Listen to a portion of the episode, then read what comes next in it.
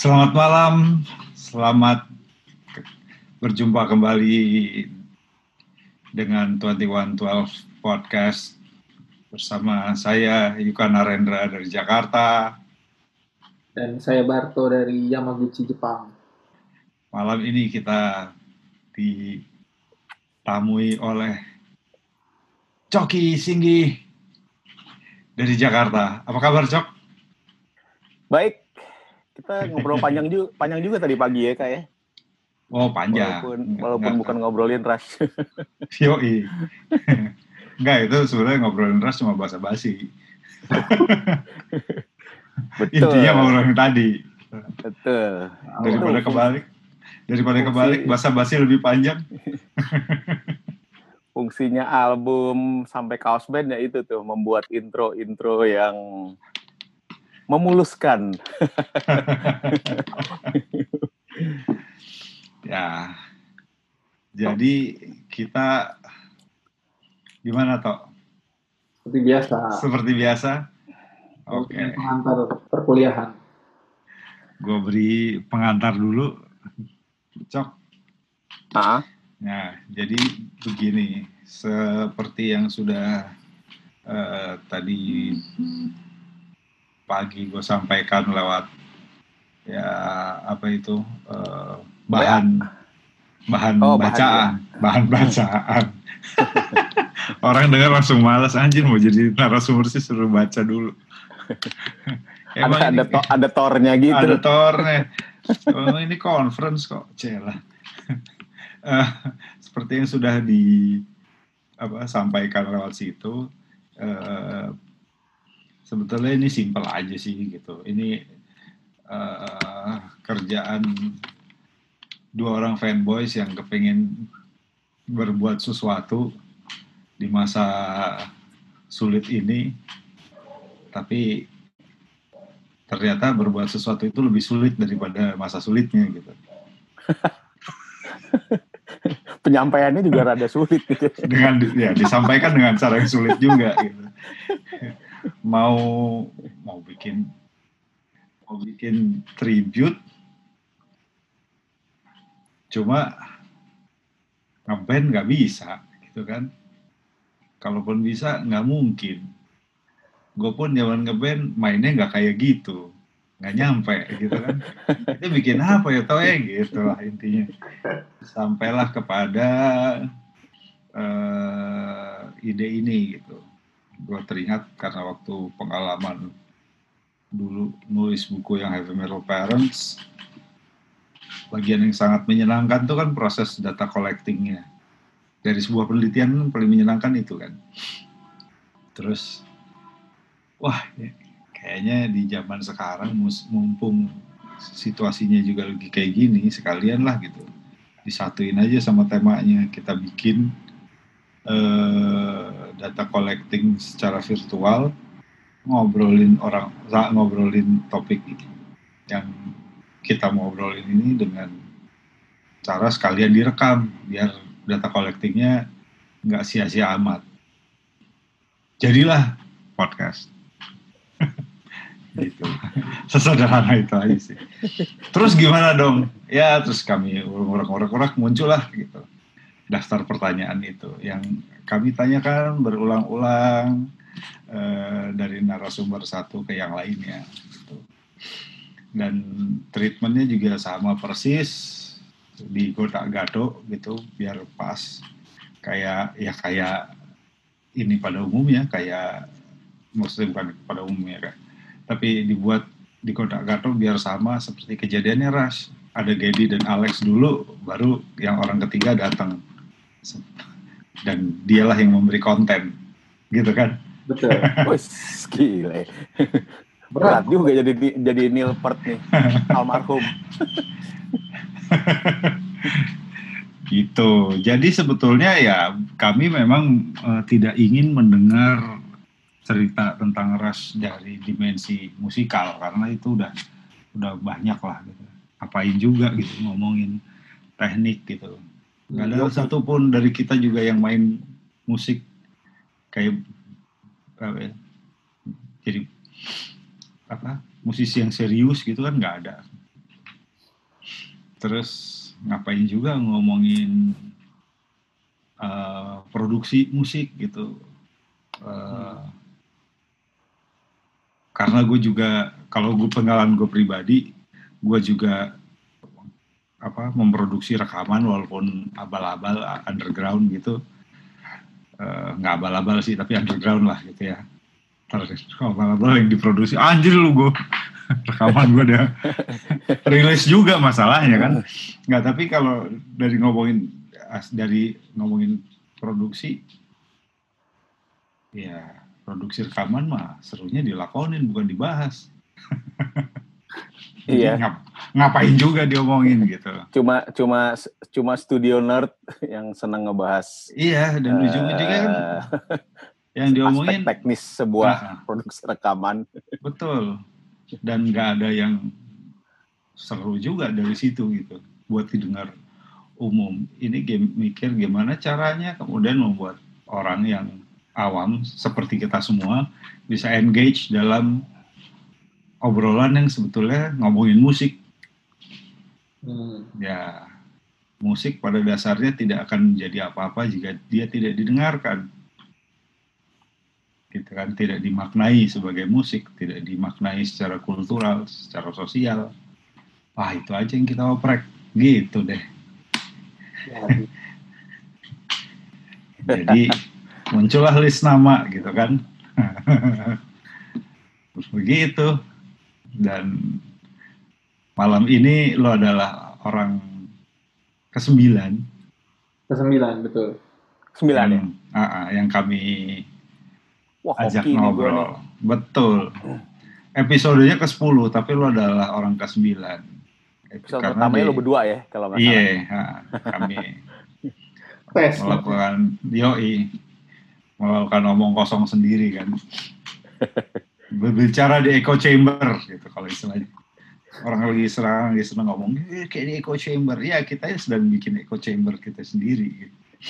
sah kalau buat format kayak gini echo chamber sah. Iya sah. Kok ya ada aja yang mau dengerin echo chamber gitu kan? Gitu. Ada tambahan dok? Minum dulu Ya. Eh, gua, gua belum Wah bener tuh gue belum nyiapin minuman. Ah, siapin dulu nih. Moga-moga nggak seret deh. Ntar gue minta tolong anak gue aja deh. Tinggal ya. teriak.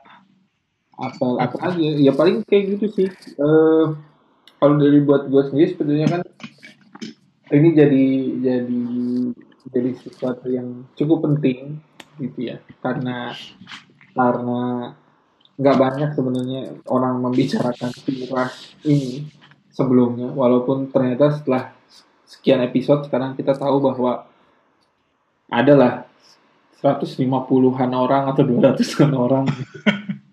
Tetap nggak banyak dibandingkan penggemar band-band lain gitu. Cuma uh -uh.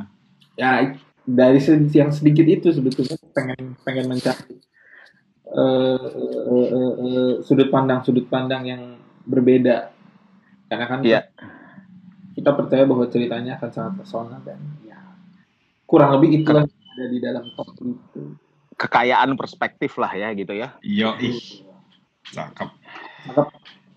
Nah lu kan biasanya sebagai ini apa periset hari-harinya kan lo yang nyusun pertanyaan dan ditanya eh menanyai.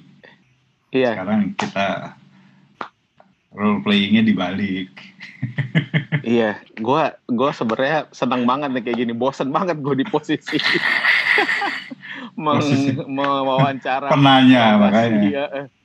menggali lebih jauh gitu kan.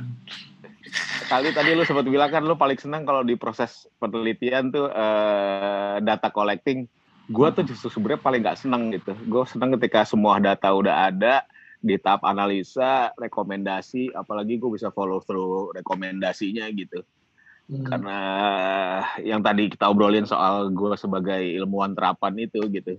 Hmm. data data collecting tuh apa namanya menjadi apa ya mungkin emang udah mager aja gitu udah maunya di rumah dan menganalisasi udah gak seneng. Nggak Ya. seneng jalan-jalan. Lagi pandemi ini. Shit banget.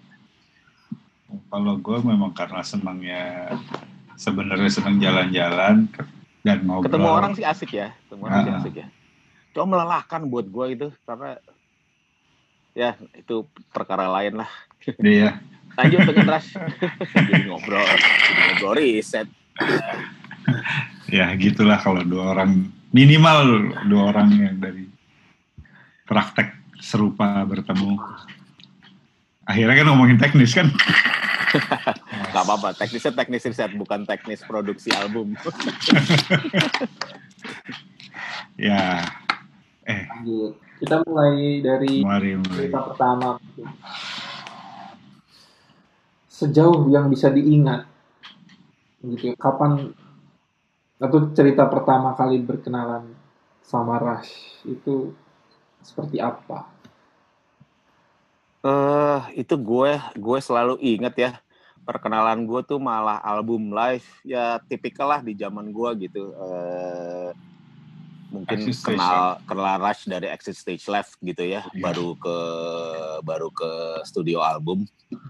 Karena ya itu zaman kaset bajakan eh, isinya adalah apa kumpulan lagu-lagu apa eh, terbaik buat gue itu itu itu kultur kultur penikmatan yang khas zaman itu banget gitu. Ngumpulin lagu-lagu paling enak.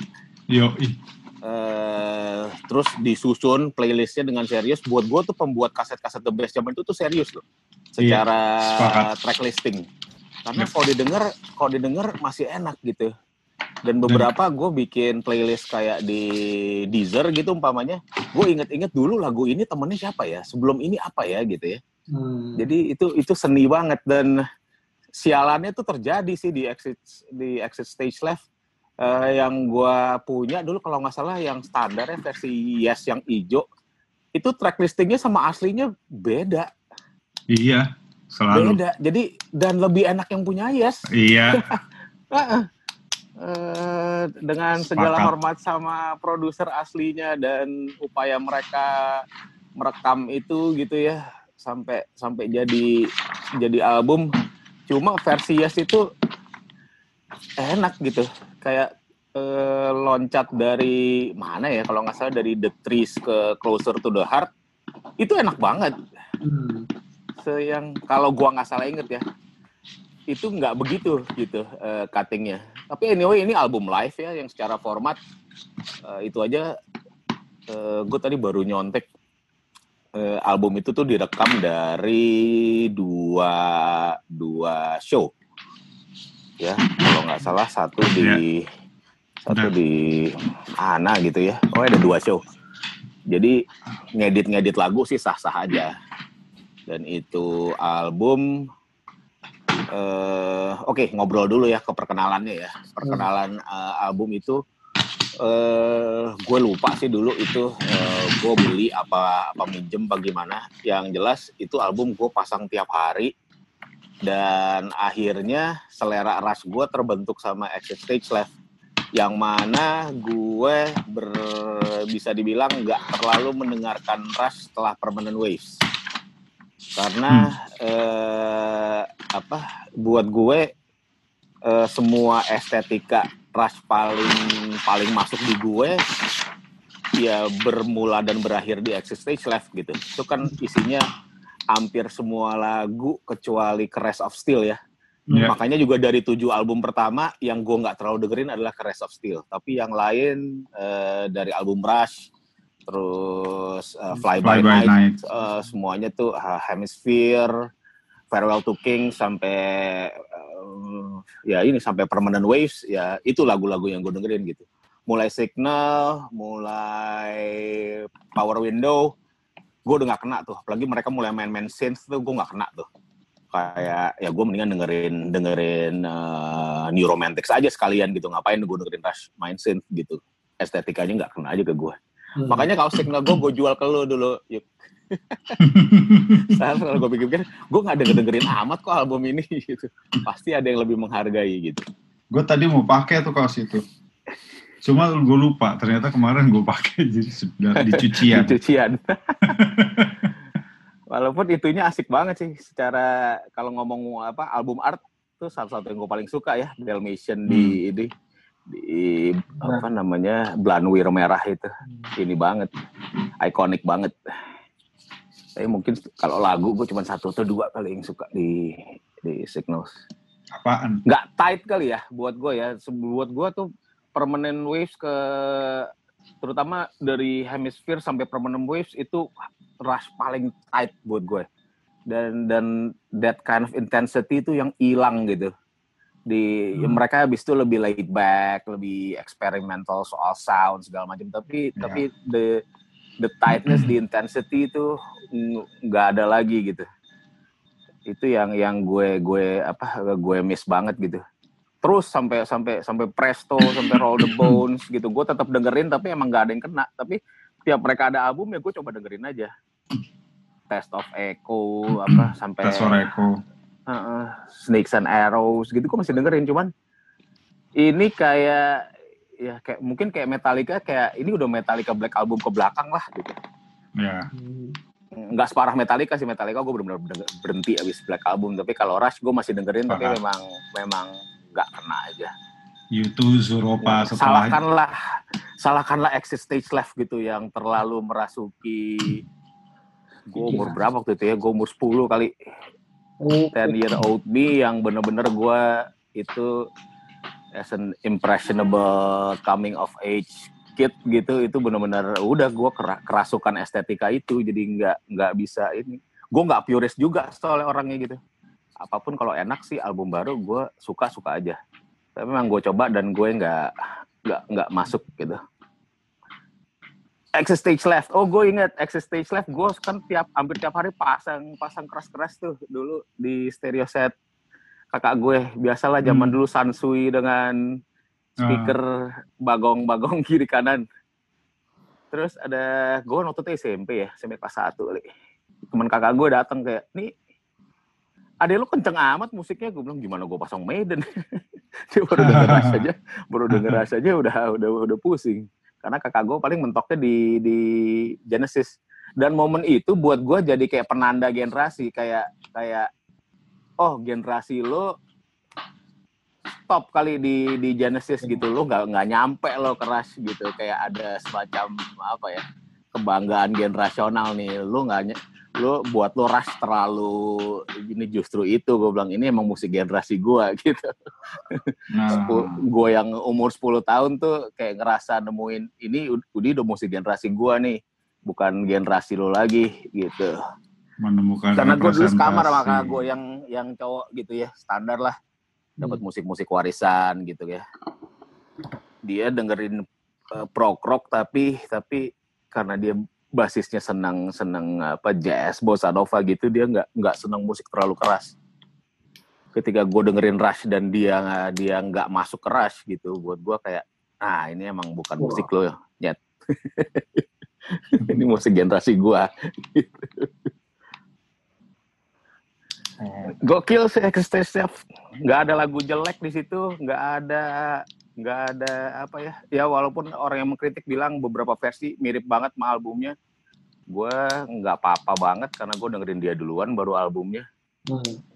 track listingnya yes keren udah gitu itu salah satu album live pertama yang uh, ini agak teknis ya yang uh, hmm. di master di digital gitu yeah. Nah, dan buat gue itu kebawa terus sampai sampai ketika gue jadi produser album live KPR tuh 2017 eh apa gue tuh mengejar estetika itu gitu. Bahwa uh, kita tuh uh, apa namanya boleh gitu boleh punya kecintaan sama estetika analog tapi mm, apa namanya nggak usah nggak usah nggak usah jadi purist lah ini orang yang dari zamannya aja berusaha mengejar yang terbaik dari zamannya kok gitu. Gue hmm. memang suka agak ketawa-ketawa sih sama sama gerakan-gerakan revival yang purist-purist mau analog. Lah orang kita ngam, ngalamin zaman analog malah mau di enhance pakai digital kok gitu. Kok lu malah balik-balik ke analog gitu. Yang lu yang lu kejar apa gitu. Rush aja ya itu dari Rush juga gitu. Rush aja yang segitu gokilnya buat gua mereka tuh sangat serius gitu kan e, kalau nggak salah tuh album pertama yang digital mungkin album rock pertama atau album pertama kali seluruh dunia ya yang di master di digital tuh uh, album apa itu ya uh, Farewell to King sekali atau hmm. Hemispheres gue lupa tapi mm -hmm. itu uh, akhirnya juga jadi jadi apa ya jadi salah satu etos gue bahwa gue selalu nyari nyari apa yang yang paling progresif yang zaman di mana gue hidup bisa tawarkan gitu. Gue nggak oh. nggak orangnya nggak terlena sama sama apalagi stuck sama nostalgia tertentu gitu. Yang mana bikin gue agak agak repot karena di usia mau 50 ini biasanya orang udah senangnya nostalgia gitu. Gue malah gara-gara ras juga tuh gue berasa. Selalu cari apa nih fro, apa uh, uh, frontiernya apa nih avant-garde. Uh, uh, mungkin nggak bukan avant-garde ya tapi lebih ke lebih sisi praktikalnya. Kayak apa yang bisa di, ditawarkan dengan semua semua yang latest saat ini gitu. Demi mencapai sebuah tujuan gitu ya. Bukan cuman karena the liking something new for the sake of it is new tapi kalau gue bisa bisa mencapai sesuatu dengan dengan apa bantuan apa yang ada sekarang gitu gue nggak akan nggak akan kayak stuck sama something yang gue udah comfortable atau apa gitu. Jadi jadi jadi membantu banget sih buat gue gitu. E, tiap ada ada kemajuan baru gitu gue gue excited jadinya gitu. Hmm. nah nah itu gue rasa tuh salah satu yang gue dapat dari Rush tuh di luar musik ya. Kayak hmm. etos-etos kayak gitu. Kayak mereka di tahun segitu sebegitu eksperimentalnya uh, apa uh, mengejar uh, teknologi baru yang namanya digital zaman itu gitu. Yeah, yeah. kayak apa ya mungkin phrase-nya experimental with a purpose gitu. Bukan sekedar eksperimental yang avant-garde lalu mencoba yang ajaib-ajaib. Bukan Frank Zappa juga gitu. Hmm. tapi gue bisa mencapai suatu yang lebih lagi karena ada teknologi gitu. Ini sama kayak Ang Lee mungkin di kalau di film dia dia itu ketika orang-orang purist apa sinema harus di bioskop harus harus pakai celluloid dia bilang e, gua justru bisa push uh, filming boundaries gua karena digital gitu. Jadi uh, permasalahannya itu bukan di teknologinya sih tapi dari apa yang bisa lu capai dari itu gitu. Kayak gua kalau orang jadi masuk ke perdebatan teknologi buat gua kayak bukan teknologi sih poinnya tapi hmm. itu bisa deliver apa gitu? Itu bisa bisa achieve objectives apa gitu?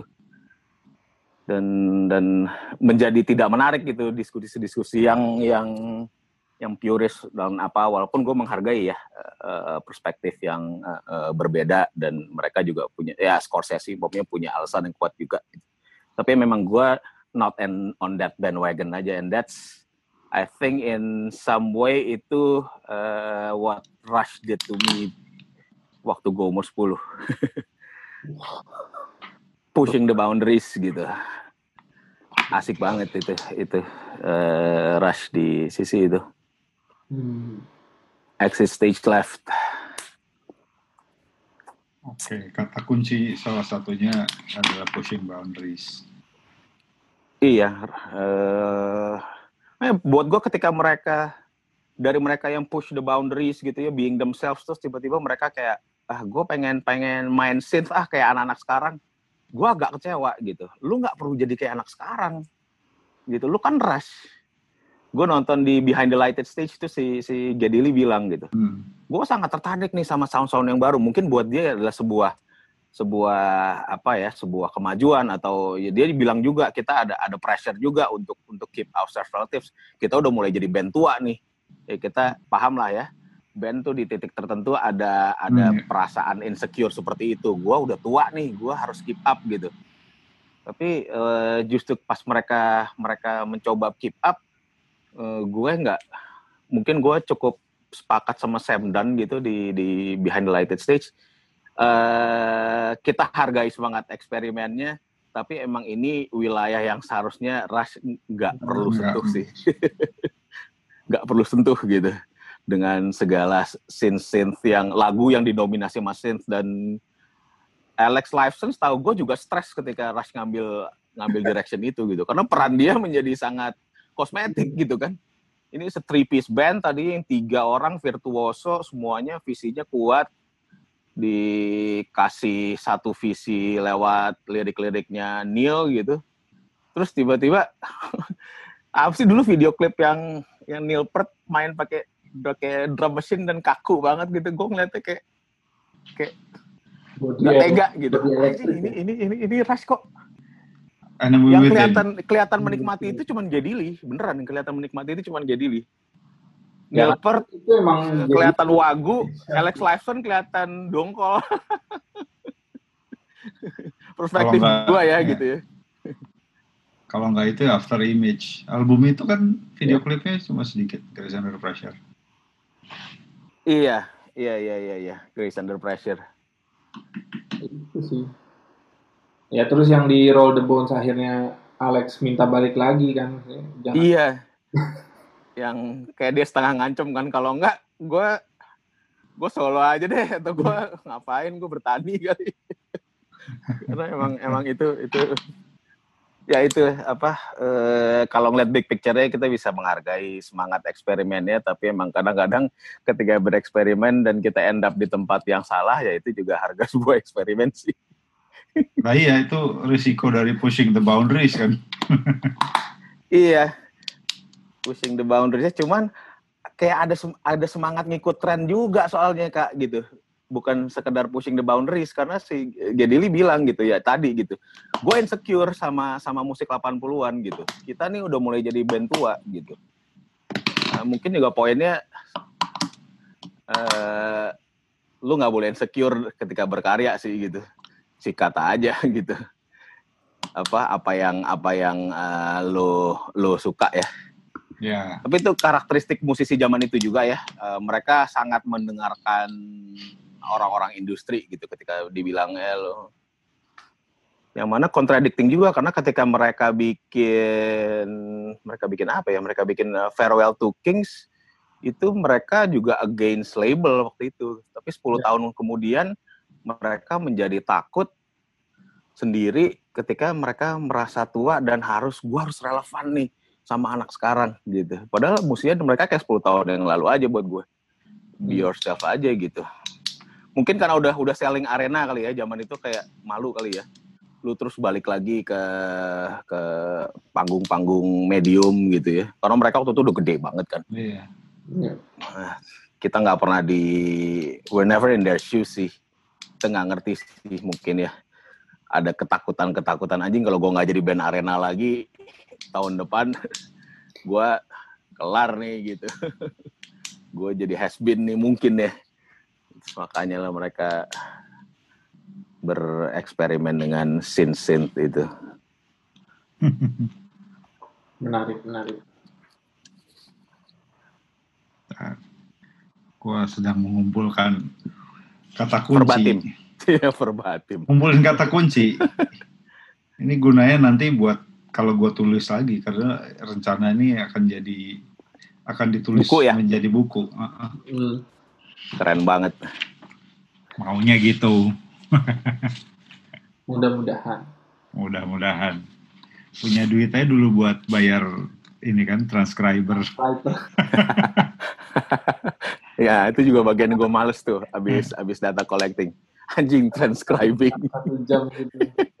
Yo, eh, transkrip. Transkrip. Sambil memeriksa semua transkri transkripsi kan. Cek gitu. Ya itu gitulah. Gitulah. Terus apa lagi nextnya? Itu pertemuan gue dengan Ras jadi exit uh, stage left. Yeah, gitu gila lah semua itulah maksudnya gue masih dengerin Red Bar Ceta ketika gue pengen ngebut bawa mobil masih loh itu gue sampai sekarang bisa ya maksudnya bisa, bisa ya ngebut di Jakarta bisa. Gue punya pengalaman berapa kali soalnya uh, apa ketika itu yang gue misplaced. banget. Jadi ketika gue dengerin Ras Barcata pertama juga bayangan gue gitu kan. Suatu hari nih kalau gue udah gede wah, seperti di, di lagu ini gitu. Tapi yang gue alami adalah berkali-kali ketika gue nyetir, Red Barceta bermain, macet total, gue nggak gerak. Bisa. Gue eh, apa namanya karena eh, cukup sering makan di PIK sementara rumah gue di selatan, gue cukup hafal jam-jam mana ke PIK yang tol tol Pondok Labu sampai PIK itu nggak rame. Dan itu ya salah satu momen kalau gue pengen ngebut ya udah gue bener-bener bisa kayak oke okay, Pondok Labu PIK 15 menit nih sikat gitu udah red bar cetak tiga kali nyampe pick gue gitu Ngomong makan di mana ya, Pik? wah ada pick pick mah kayaknya merem aja enak semua sih Emang. Uh, uh, dari ramen bisa bi- ah, bisa ram- bisa ramen jadi lah, jadi satu podcast sendiri sih kalau ngomongin itu. Makanan. punya banyak rekomendasi. Iya. Sebelum ramen masuk selatan kan makan ramen enak ya mesti ke Big gitu. Umpamanya. Ada sih Marutama di di di Senayan, cuman ya bosen aja suasana juga gitu. Big tuh kan enaknya nggak ketemu siapa pun yang kita kenal. Karena jauh. Enggak Iya. juga sih kalau gua. kalau gua enggak juga. Kalau lu lu nggak ya. Gue senang tuh justru sana kayak ya ini anjing ini dunia keren. Anyway, oke. Lanjut, Anyway, Lanjut, lanjut, lanjut. lanjut. Jadi perkenalan di Exit Stage Left ya. Nah, terus eh misalkan tadi kan setelah exit stage left eh, balik lagi gitu, terus perjalanan lo mendengarkan Rush itu apakah kemudian mempengaruhi eh, Cara berpikir. cara lo mendengarkan musik yang lain? Hmm. Nggak tahu tadi misalkan dari lo bilang kan soalnya dia mempresi lo gitu. Apakah kemudian misalkan sesudah itu lo punya direction tertentu bahwa musik kayak gini nih yang, yang mungkin akan gua gua dengerin. Atau mungkin lebih besar dari musik. Iya, Juga maksudnya eh, selera lu terhadap literat, literatur buku gitu lu jadi seneng baca apa, visual yang macam apa. Eh, gue ini ini topik yang topik yang kena banget buat gue sih, karena eh, jawabannya adalah iya, tapi gue baru bener-bener sadar itu mungkin 10-15 tahun yang lalu gitu. Jadi itu kayak selama ini di bawah sadar gue dan ketika gue sadar, Hmm. gue kayak wah gue dapat ini dari Rush loh Hmm. dan membuka mata gue sama the power of uh, the power of music uh, during adolescent yang akhirnya jadi jadi apa jadi salah satu pilar gerakan gue sekarang tuh kak yang lu Hmm, tahu ya, lah ya. gitu ya Eh, jadi music in the formative years itu ternyata penting banget gitu. Ya selain gue melihat eh, dari studi-studi eh, yang dibuat orang gue ngerasa itu juga juga gue alami dengan dengan dengan rush gitu. Salah satunya yang yang utama ya. Kayak apa namanya eh gue lupa gue pernah bilang malu panggo ya. Kayak gue umpamanya eh sangat eh, ini sangat seneng gitu sampai sekarang dan eh, gue percaya gue dipengaruhi eh sisi relationship gue itu dari lagu Mas. Hmm. gitu karena buat gue ini lagu lagu cinta yang bener nih kayak gini dan untung gue diajarinnya sama Rush gitu Iya. kalau Iya, kalau kalau pacaran lo punya Heeh. pacaran lu tuh lu tuh eh, apa kayak two ships passing at the night lu lu ketemu aja. Yo, tapi lu tetap two different ships gitu and the space between us Hmm. itu yang let us grow. Itu kayak kemudian setelah itu gue baca buku nonton film yang yang menjelaskan menjelaskan itu yang tapi gue pertama kali dapat ini dari Rush nih. Gitu kayak sialan nih Rush nih band virtuoso apa segala macam tapi ternyata eh, ngasih fondasi buat buat pacaran gitu nggak tahu deh itu Leave angle- room for you and I to grow. Iya, kan sederhana tapi itu benar gitu ya. Yep. Untuk kita bertumbuh tuh lu nggak bisa kayak kerjanya kecintaan mulu sama suffocate your partners, your spouse gitu ya. Dapetnya dari Rush loh. Itu. Yang le- yang lebih obvious kali kali free will gitu ya ya karena Ya. Karena apa namanya kalau gue nyambungnya dulu karena ya zaman zaman itu zaman zaman gue sama bokap lagi dicokokin Tan Malaka lah gitu ya dan Hmm. salah satu musuh Tan Malaka kan adalah Tahyul Hmm. gue bilang sama bokap eh di musik yang gue dengerin juga ada bahwa Tahyul itu gini gini gini gini lagunya free will gitu jadi balik lagi generasi gue juga punya beginian dan versinya menyenangkan Ya. nggak nggak nggak kayak buku-buku yang ya buat gue susah ya buku-buku Tan Malaka itu kan susah ya. Eh, ngertinya gitu lebih gampang ketika Ras menyampaikan itu ke gua gitu. Bahwa ya lu lu hidup jangan dengan eh, apa namanya eh, celestial voice eh, preordained this and that gitu. Lu Hmm. lu mesti take charge of your life itu Ras juga yang yang Ya. ngajarin. Dan buat gua untuk anak 10 tahun itu itu penting ya. Lu punya begituan dan akhirnya itu gue eh gue terapin ke anak-anak gue gitu. Free will itu Hmm. Hmm. dapetnya bukan dari buku-buku apa filsafat kelas berat. Dapetnya dari Rush. Albumnya enak lagunya enak penyampaiannya jelas. Dan itu yang gue kagumi dari Neil Peart ya. Ini nonton di Behind the Lighted Stage gitu. Dia kan tukang baca Eh, orangnya kontemplatif analytical gitu ya. Trait-trait yang trait-trait yang kita bisa relate lah. Tapi yang paling gue kagum sama dia tuh bukan semua itu tapi niatan dia untuk selalu mengkomunikasikan itu sejelas mungkin dan semenyenangkan mungkin ke Rush fans. Dan itu juga kayak jadi kayak jadi eh, work work ethic gua gitu. Mau gua riset se segokil apa pun gitu ya begitu udah jadi output yang baca harus ngerti yang baca harus jelas eh, apa nih em, step yang harus diambil setelah hasil riset Hmm. ini gitu dan itu ya menjadi bahan gua juga ketika gua berdialog dan mengkritisi eh, periset lain gue bilang lu push ini jadi sesuatu dong gitu jangan cuman jadi jangan cuman jadi apa namanya eh, lembar ilmiah tapi jadi sebuah sebuah sebuah action Action.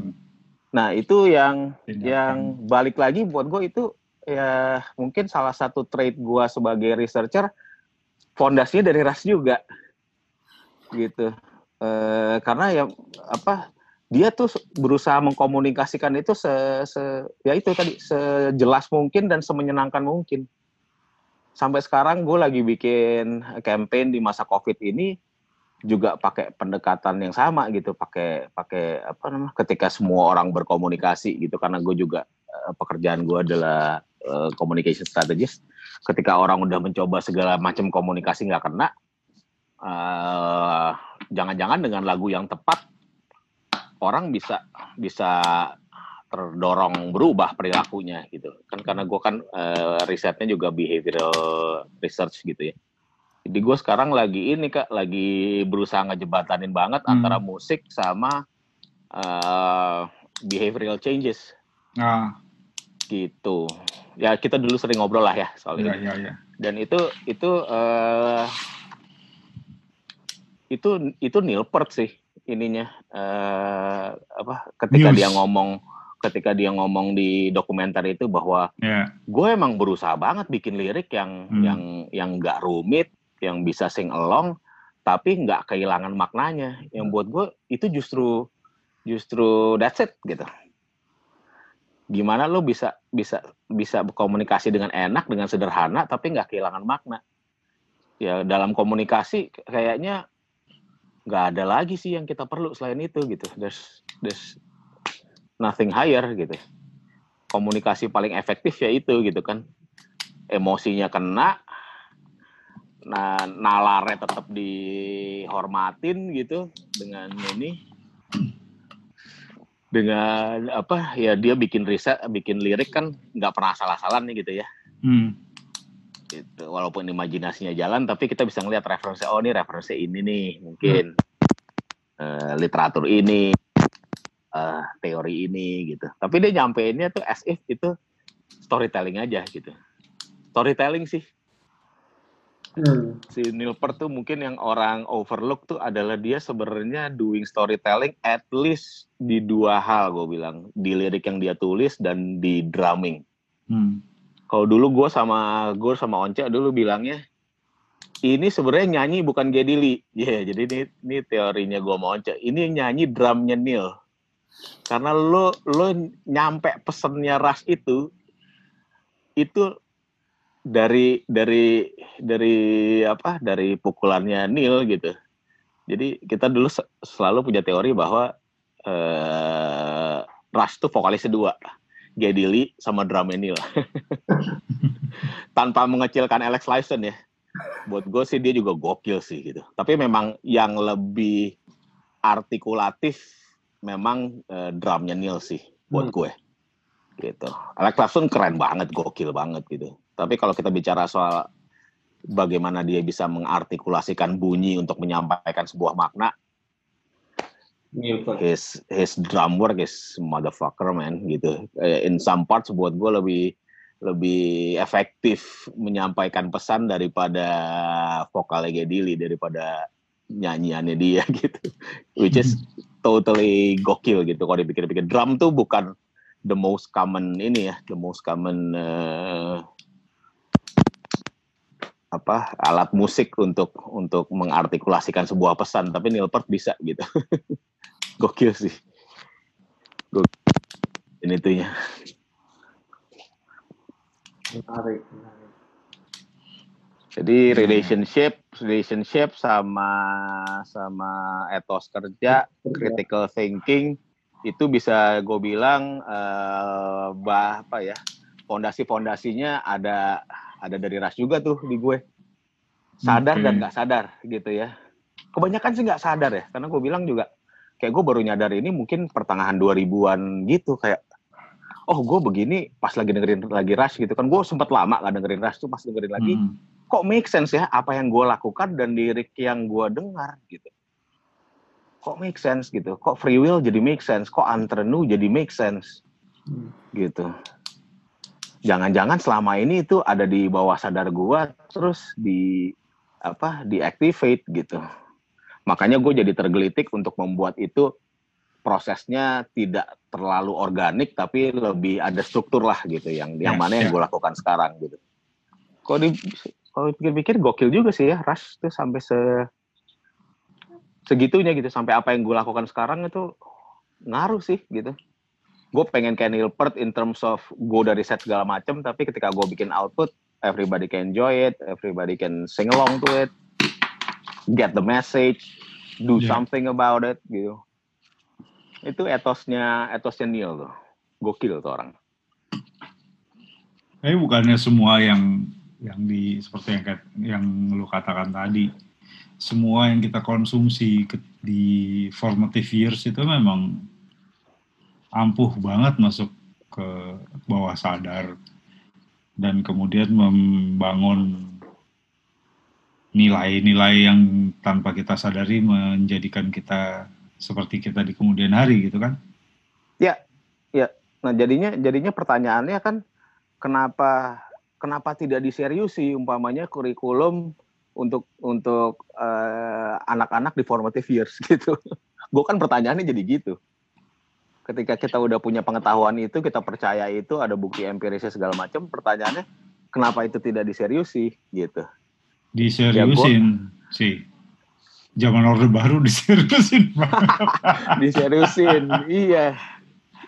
Umur 10 tahun lu nonton nonton janur kuning tuh lu diseriusin sih. Iya kan? Cuma teror sih. Ya memang nonton. memang perspektifnya beda. Tapi bahwa diseriusin diseriusin cok tapi sama Pak Harto dia ya. tuh memang strategis yang jago tujuannya mah kita kita bisa, bisa beda tujuan tapi beda pada, beda pada bisa beda ini. lagi urusan tapi sebagai strategis dia dia paham tuh formative years kayak yang kita bahas ini dia paham tuh oh, iya pasti. apa yang lu tanam di situ lo tuai di belakang. Yep. Untung zaman itu ada exit stage left, kalau nggak kelar kita sama janur kuning mah 330S kan. Yeah. tidak ada narasi tidak ada narasi, narasi pengimbang. tanding iya Heeh, nggak ada narasi tanding nggak ada narasi pengimbang menarik juga. gokil ras itu gokil maksudnya kalau kita mau mau melihat dari perspektif yang yang kayak begini dia bisa jadi jadi jadi menarik banget gitu ya betul. Untung loh untung banget loh kita punya punya apa punya rush gitu. Karena setelah gua telah nggak ada band lain yang ngasih itu saat itu. Apa coba? Bring your daughter to the slaughter? Nggak ngasih itu gitu kan zaman itu. Atau romantisme eskapisnya duren duren nggak ngasih itu gitu. Ace of Spades? Motorhead Ace of Spades ya enggak ya, lah berandal aja berandal maksudnya ya, tapi lo lo lo ya ya itu individualis berat lah gitu ya. Tapi kalau ini kan buat gue ini fondasi gitu loh. Ya ketika lo formative years kan lo perlu fondasi gitu ya. Hmm. ya ba- harusnya idealnya ketika lu pertama kali denger itu di zaman itu lu bacanya pedagogi of the oppressed Paulo Freire All of Fire. gue gue baca dari penjara ke penjara udah pusing. Itu baru benar wah gitu. Karena lu baca dari penjara ke penjara lu sih harusnya membaca Iya. pedagogi of the oppressed. Oh ini gitu. baru tuh. Ternyata. Dan, iya itu sebetulnya hanya apa menandaskan apa yang kita obrolin barusan sih. Ah ini menyenangkan ya lanjut. Lanjut. lanjut. Ini baru pertanyaan nomor dua loh cok. Tanya nomor dua kan? Ya baru dua. Gue berharap udah menjawab yang sesudah sudahnya juga. Jadi gue panjangin aja. Karena kan sebenarnya eh, salah satu yang menarik ini kan juga yang mungkin nggak nggak nggak banyak di ditemui gitu kalau misalkan dari dari generasi gua lah terutama maksudnya eh, terutama mendengarkan ras dalam dalam konteks waktu yang berbeda itu kan jadi jadi sebuah Iya. jadi pengalaman yang berbeda ya pengalaman yang berbeda gitu. Eh, mungkin gitu ya kalau kalau di di generasi gua menikmati ras itu menjadi menjadi lebih sekedar pengalaman musikal gitu. Sebelum ada yang eh, hilaf dan eh, ya gitu ya terbrainwash dengan dengan um, apa ya tawaran liriknya Nilpert dan Iya. kawan-kawannya gitu. iya. Karena dia dia persuasif banget gitu dengan liriknya gitu. Persis. tiba-tiba lo agree sama dia gitu. Itu kan Iya. ya lo lo lo you have to be really good in that gitu ya. Lo lirik virtuoso juga tuh. Si Neil Peart gitu. Orang banyak ngomong soal Rush soal uh, they're really virtuosic in their music tapi sebenarnya lyrically itu Iya. ya gue ngeliatnya dari dari dari uh, ilmu komunikasi ya mereka jago banget melakukan persuasi-persuasi lirik yang kawin dengan sebuah nada dengan sebuah komposisi anjing Dengan tema Anjing, zaman. Kuras. Heeh. dengan hal-hal yang sebenarnya kayak free will tuh kan free will tuh kan abstrak ya Hmm. Eh, dia bisa bisa bikin itu jadi jadi jadi apa jadi Ya jadi sederhana ya. eh, ah, jadi lagu yang yang yang enak yang lo bisa bisa bobbing your head gitu persis persis itu yang itu yang mungkin agak agak mem- membedakan ya eh, membayangkan kalau gue coba membayangkan pengalaman yang yang gue dapat atau teman-teman yang juga mendengarkan Raster sejaman sama gue gitu. Terutama tahun ketika 90-an ya? Lo dengerin tahun 90-an ya? 90-an lah gitu. Iya, gitu iya, iya, 90-an yang ya kalau menurut gue hitungannya cukup cukup telat gitu. Karena karena Ras sebenarnya udah dalam posisi posisi anti klimaks kan. Itu eh, dengan album-album. Dan banyak banyak cerita mereka lainnya. Cuma eh narasi yang lu temukan dari dari si exit stage left ini seberapa jauh kemudian hmm, gimana bilangnya ya? Eh, bisa menghantar lu untuk menikmati ya kayak tadi gitu lu bilang lu nggak nggak meni- nggak menikmati musiknya di album-album sesudah Hemisphere atau ya sesudah Permanent Wave misalnya. Sudah permanent base. ah. Tapi apakah misalkan dengan bayangan gue lu masih punya eh, impresi yang sama atas lirik-liriknya Nilpert gitu ya? Rasa penasaran itu sebenarnya masih masih nongol nggak sih gitu dalam album-album yang muncul belakangan? Kadang kan misalkan bagi bagi bagi beberapa orang misalnya justru album-album setelah Permanent Wave itu yang yang dianggap jadi lirik secara lirikal gitu ya Nilpert itu jadi jadi Matang matang ya. gitu. Iya, iya, iya, iya. Ya itu Nah. kan ironisnya kan.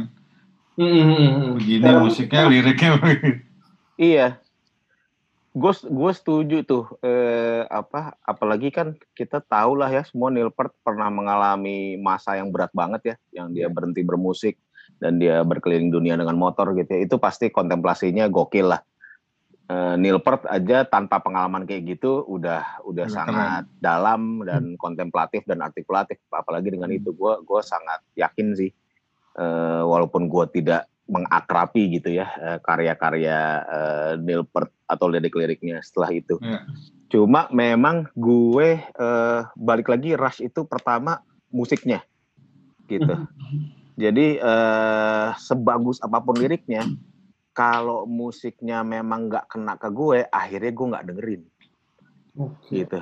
Dan itu berlaku sama semua band sih nggak semua Rush. Sesuka apa pun gue sama liriknya, kalau musiknya nggak kena sama gue, gue nggak dengerin. namanya Gitu. juga band kan.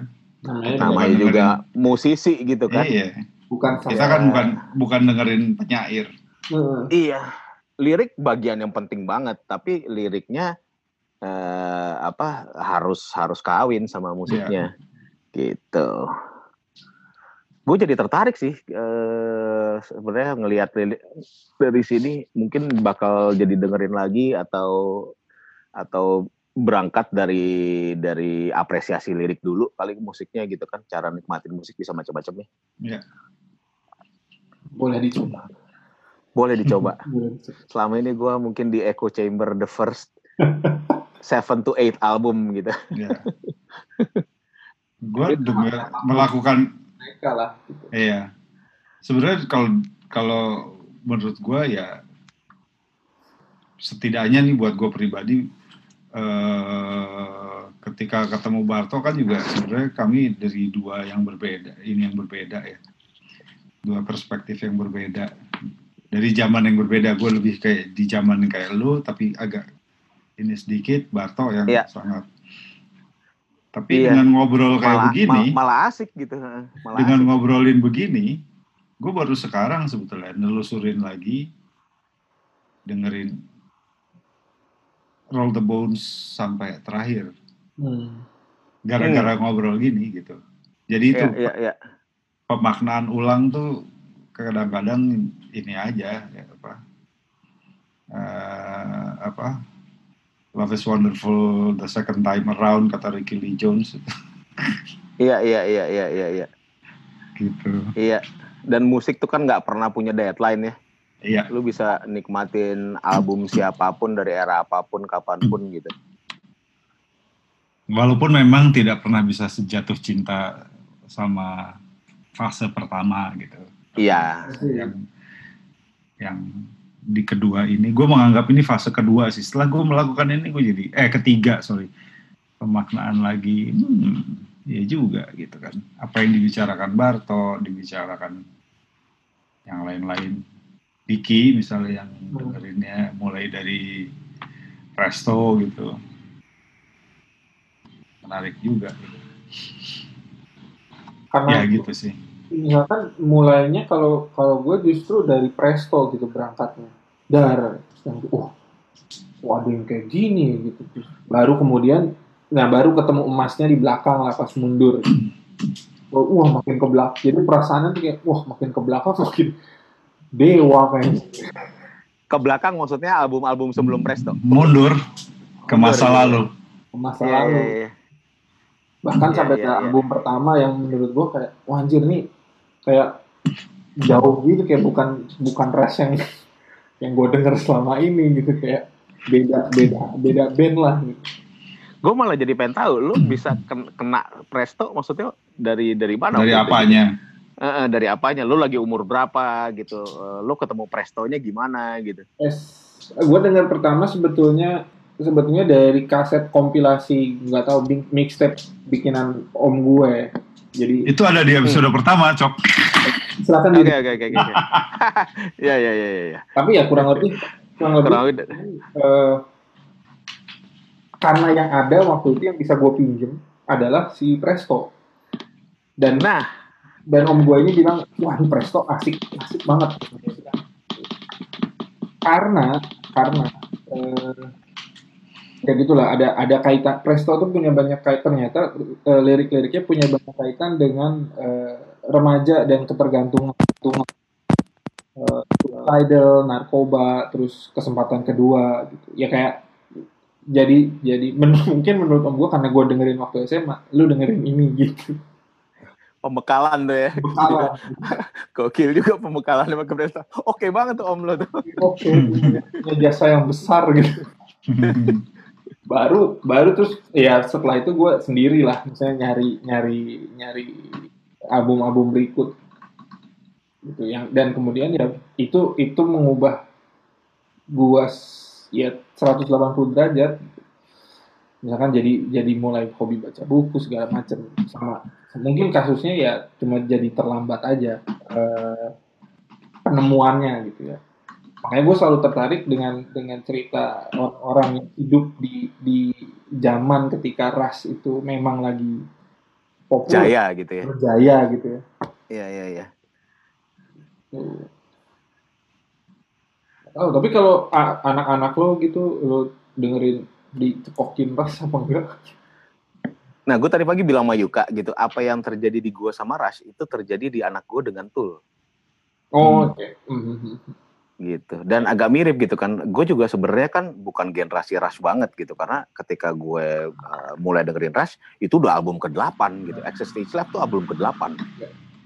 Gitu. Sama kayak anak gue dengerin dengerin apa dengerin Tool itu juga udah udah jauh sekali orang dia kelahiran tahun 2000 eh, awal gitu kan. Mm-hmm. Dia dengerin Tool itu udah udah Tool udah 15 tahun nih kurang lebih sama gitu.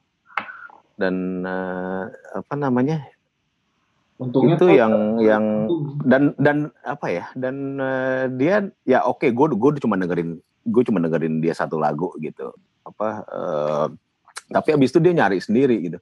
Sampai sekarang dia he's a bigger Tool fan than me gitu.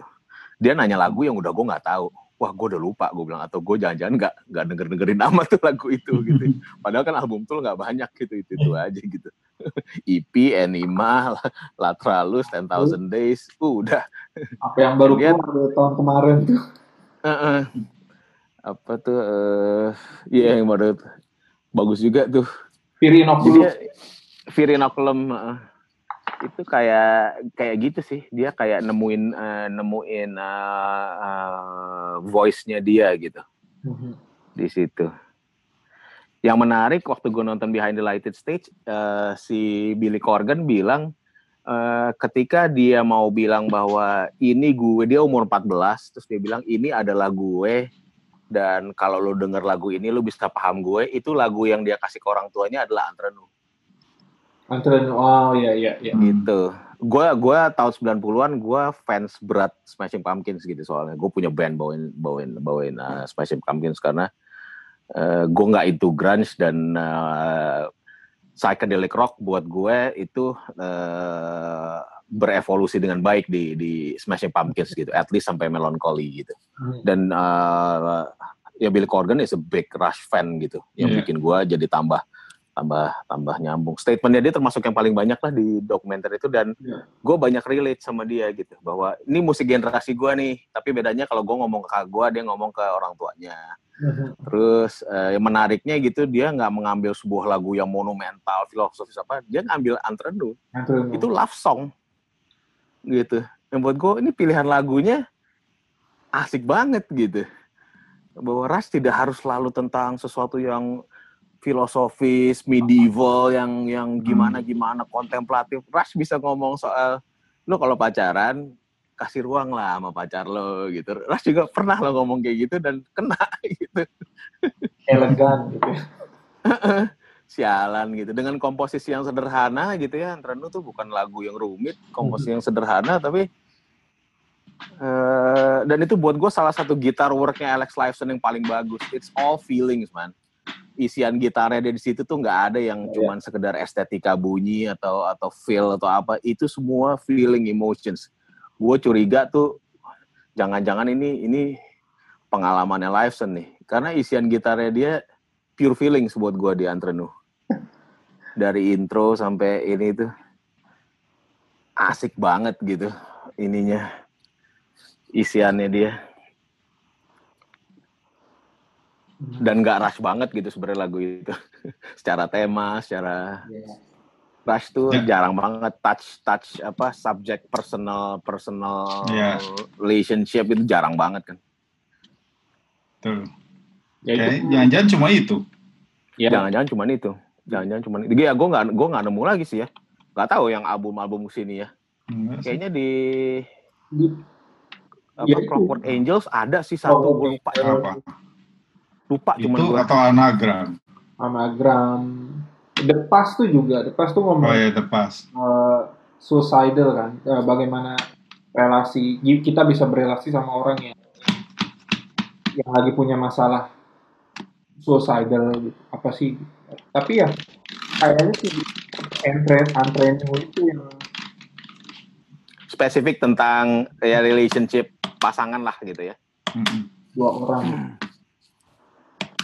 ya album pertama sih banyak gitu. Cuma kan katro ya. Album Rush itu. Album Rush itu self title itu gila gitu ya kayak rock rock ya rock bandel zaman puluhan aja. Iya. Cul, cul, culun sih emang itu. Walaupun working man sih jadi ini ya jadi oh, jadi oke okay lah. jadi apa uh, lagu yang selalu ada kalau konser gitu. Salah tempat sih tuh working man tuh misplaced. Dia harusnya lebih cocok di album ketiga, tiga. dua, tiga. Dua masuk lah. Dia di sebelahan sama Fly By Night sih. Kalau secara tema ya. Nah, uh -uh. Kalau secara tema. Liriknya sangat pure. Padahal enggak. Iya. Ini kayak album In the Mood of Love gitu kan kayak Gila nih ada judul aku begini. Hey baby, it's a quarter to eight. iya lagu lagu ABG baru mulai tur aja ya. Iya. lagi senang hari ini gue bangun di kota apa, besok kota apa, gue lupa lagi di mana. Kalau yang pernah ngalamin tur tuh bisa relate sih sama itu gitu. Kalau secara musikal sih, gue nganggap cikal bakal dari era emas lah, era emas menurut gue lah kali dan dan beberapa orang jadul itu cikal bakalnya gue bilang tapi memang di fly by night sih mm-hmm. mulai ada komposisi-komposisi dengan dengan feel feel gitar yang ngebangun ekspektasi ada apa lagi nih abis ini ada apa lagi nih dan ternyata emang lagunya deliver gitu padahal chordnya sederhana banget tuh dia intro cuman pakai open D doang itulah kejagoannya Alex Lifeson gue bilang mm-hmm. Canggih. Dan membuat kita juga di dulu main gitarnya nggak susah.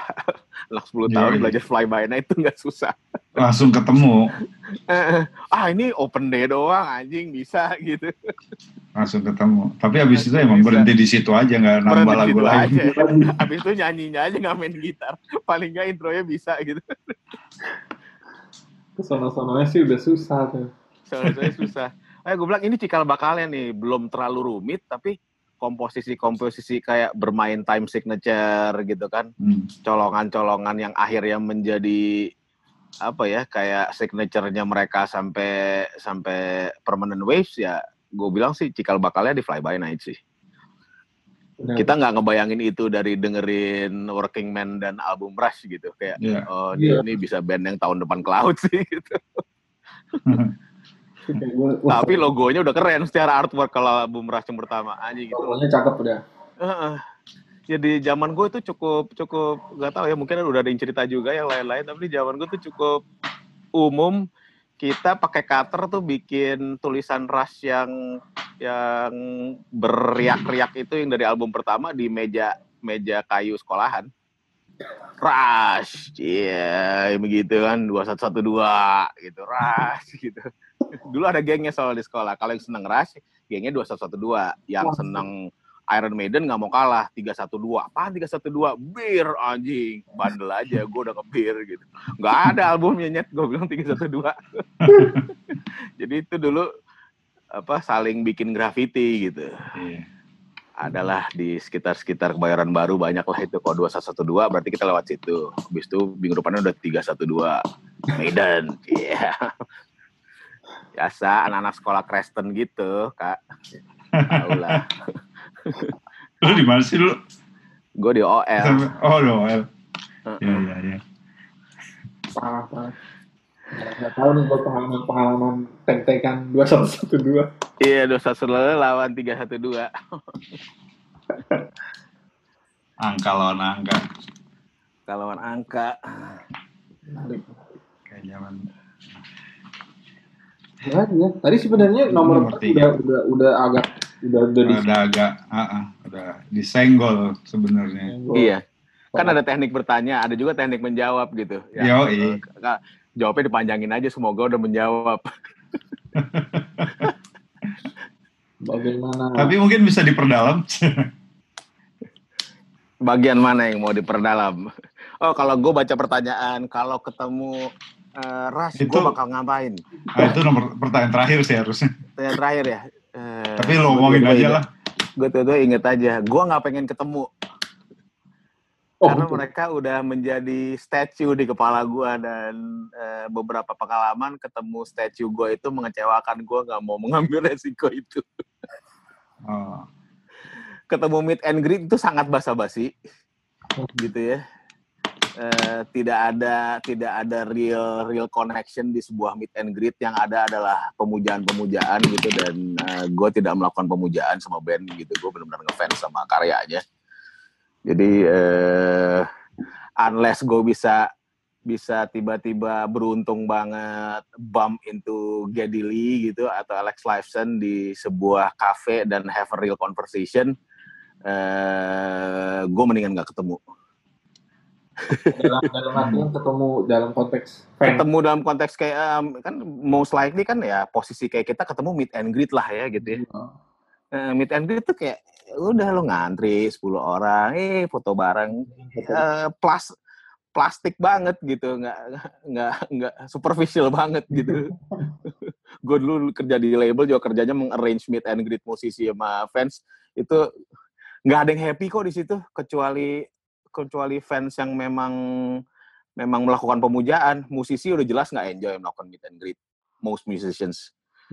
Gitu. Ya mereka itu obligasi aja lah gitu. Mungkin mereka happy tapi not in the real happy way gitu. Kita keribetan umpamanya sebagai label gitu atau promotor karena ada aja fans yang selalu mau colongan inilah colongan itu. So it's, it was never really ini sih di pengalaman gue mungkin ada ya meet and greet yang yang yang asik gitu it's just not in my experience makanya gue nggak sebetulnya nggak usah dibayangin dalam meet and greet sih. Nggak usah bayangannya nggak harus realistis itu gitu. Iya, gue langsung kebayangnya gitu sih karena ya rea- realistis aja gitu. Ya Gitu. kalau mau ya itu tadi kak kalau gua ketemu di gua bump in, wah itu sih itu sih asik banget. Nah, lu kira-kira mau, mau, mau ngobrol apa dia? Siapa pun. Ya gue sih paling akan nanya eh, apa namanya? Atau ngom Ya. ya, menyatakan apa lah. Gue sih karena apa ya di gue udah di live stage gue sebagai sebagai sebagai parents gitu ya atau apa gitu gue akan justru akan nanya kayak eh, eh how are you as a father Hmm. gitu gue tertarik sama sisi itu gitu. Karena sisi lo sebagai musisi segala macam mah kayaknya kita udah baca di berbagai buku dan nonton di Iyalah. berbagai dokumenter. Tapi eh, kayak gua itu terakhir baca baca tentang Bowie itu justru karena dari sudut pandang anaknya. Jadi Bowie sebagai bokap. Hmm. gue tertarik tuh.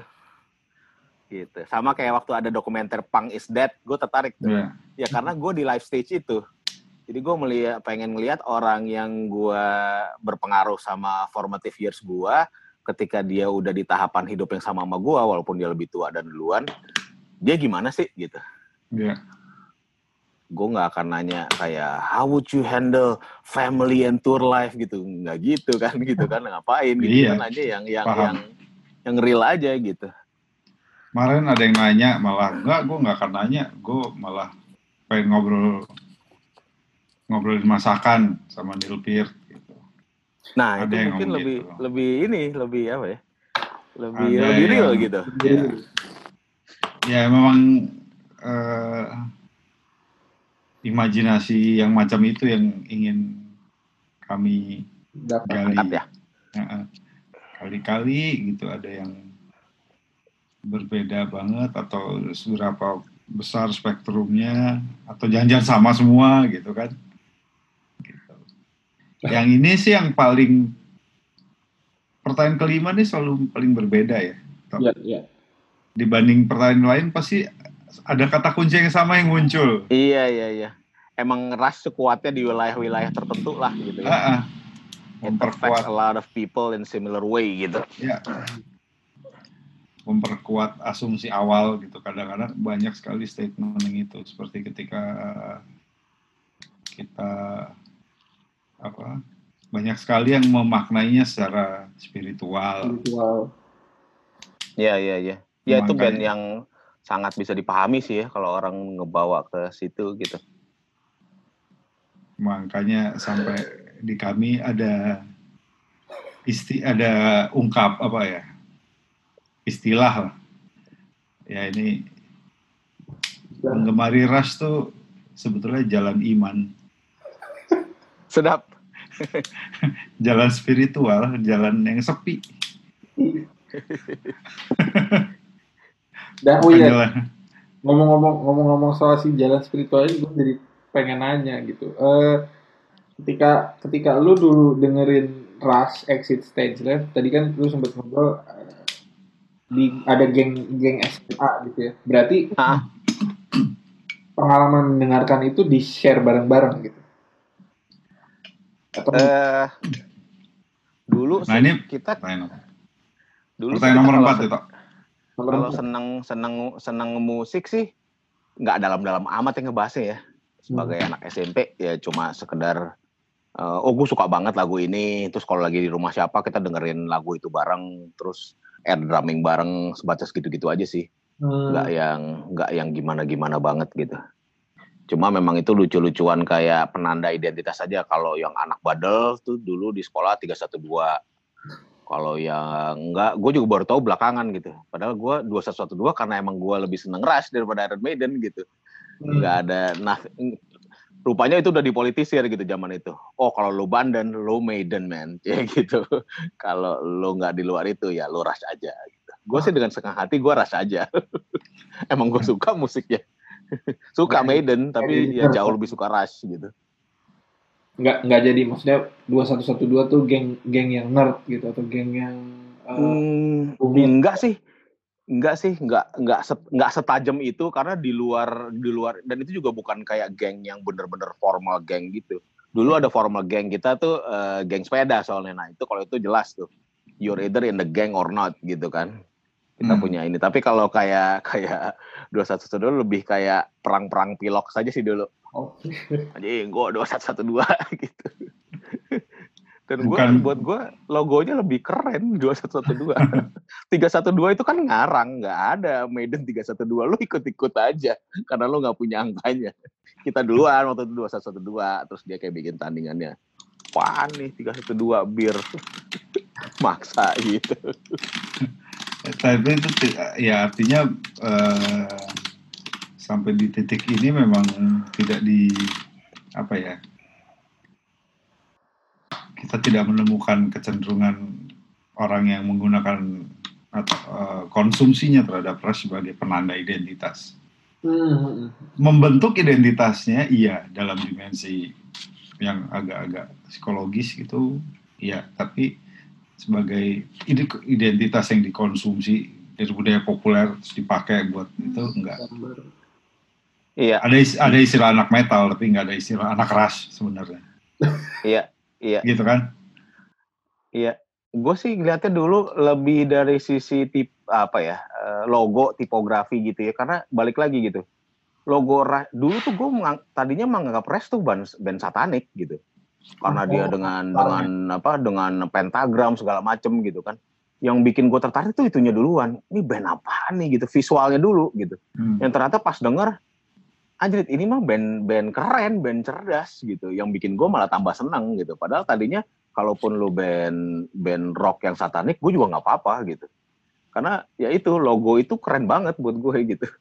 Si ya untuk anak 10 tahun kan gitu ya kayak anjing keren banget gitu sementara kalau kalau Iron Maiden tuh eh, karena dulu dulu tuh antara dua kubu itu buat gua Iron Maiden tidak se tidak semenarik itu gitu.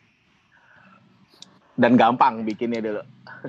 Nyoret-nyoret di celana sekolah dibikin bikin cukil kayu di eh, di Ya. bangku apa di meja itu bikin rush gampang. Gue masih bisa kali sekarang tuh. Less than 10 seconds gue bikin gue bikin itu tuh itu udah ada di muscle memory gue tuh gue rasa tuh Iya. gue masih hafal tuh belok-belok hurufnya gitu yang si rush yang eh, ini Di- rush apa tuh ya rush hemispheres sih kalau nggak salah tipografinya hemispheres yang merah. Heeh, yang tulisannya kayak tulisan tangan tapi Kayak merah. Ya, eh, dramatis lah gitu. Hemispheres itu. hemispheres eh, Heeh. tipografinya hemispheres dari situnya sih gue rasa oh ada itu ada pentagram kayak something aja at the time tapi tapi nggak jadi identitas yang yang gimana gimana banget sih enggak sih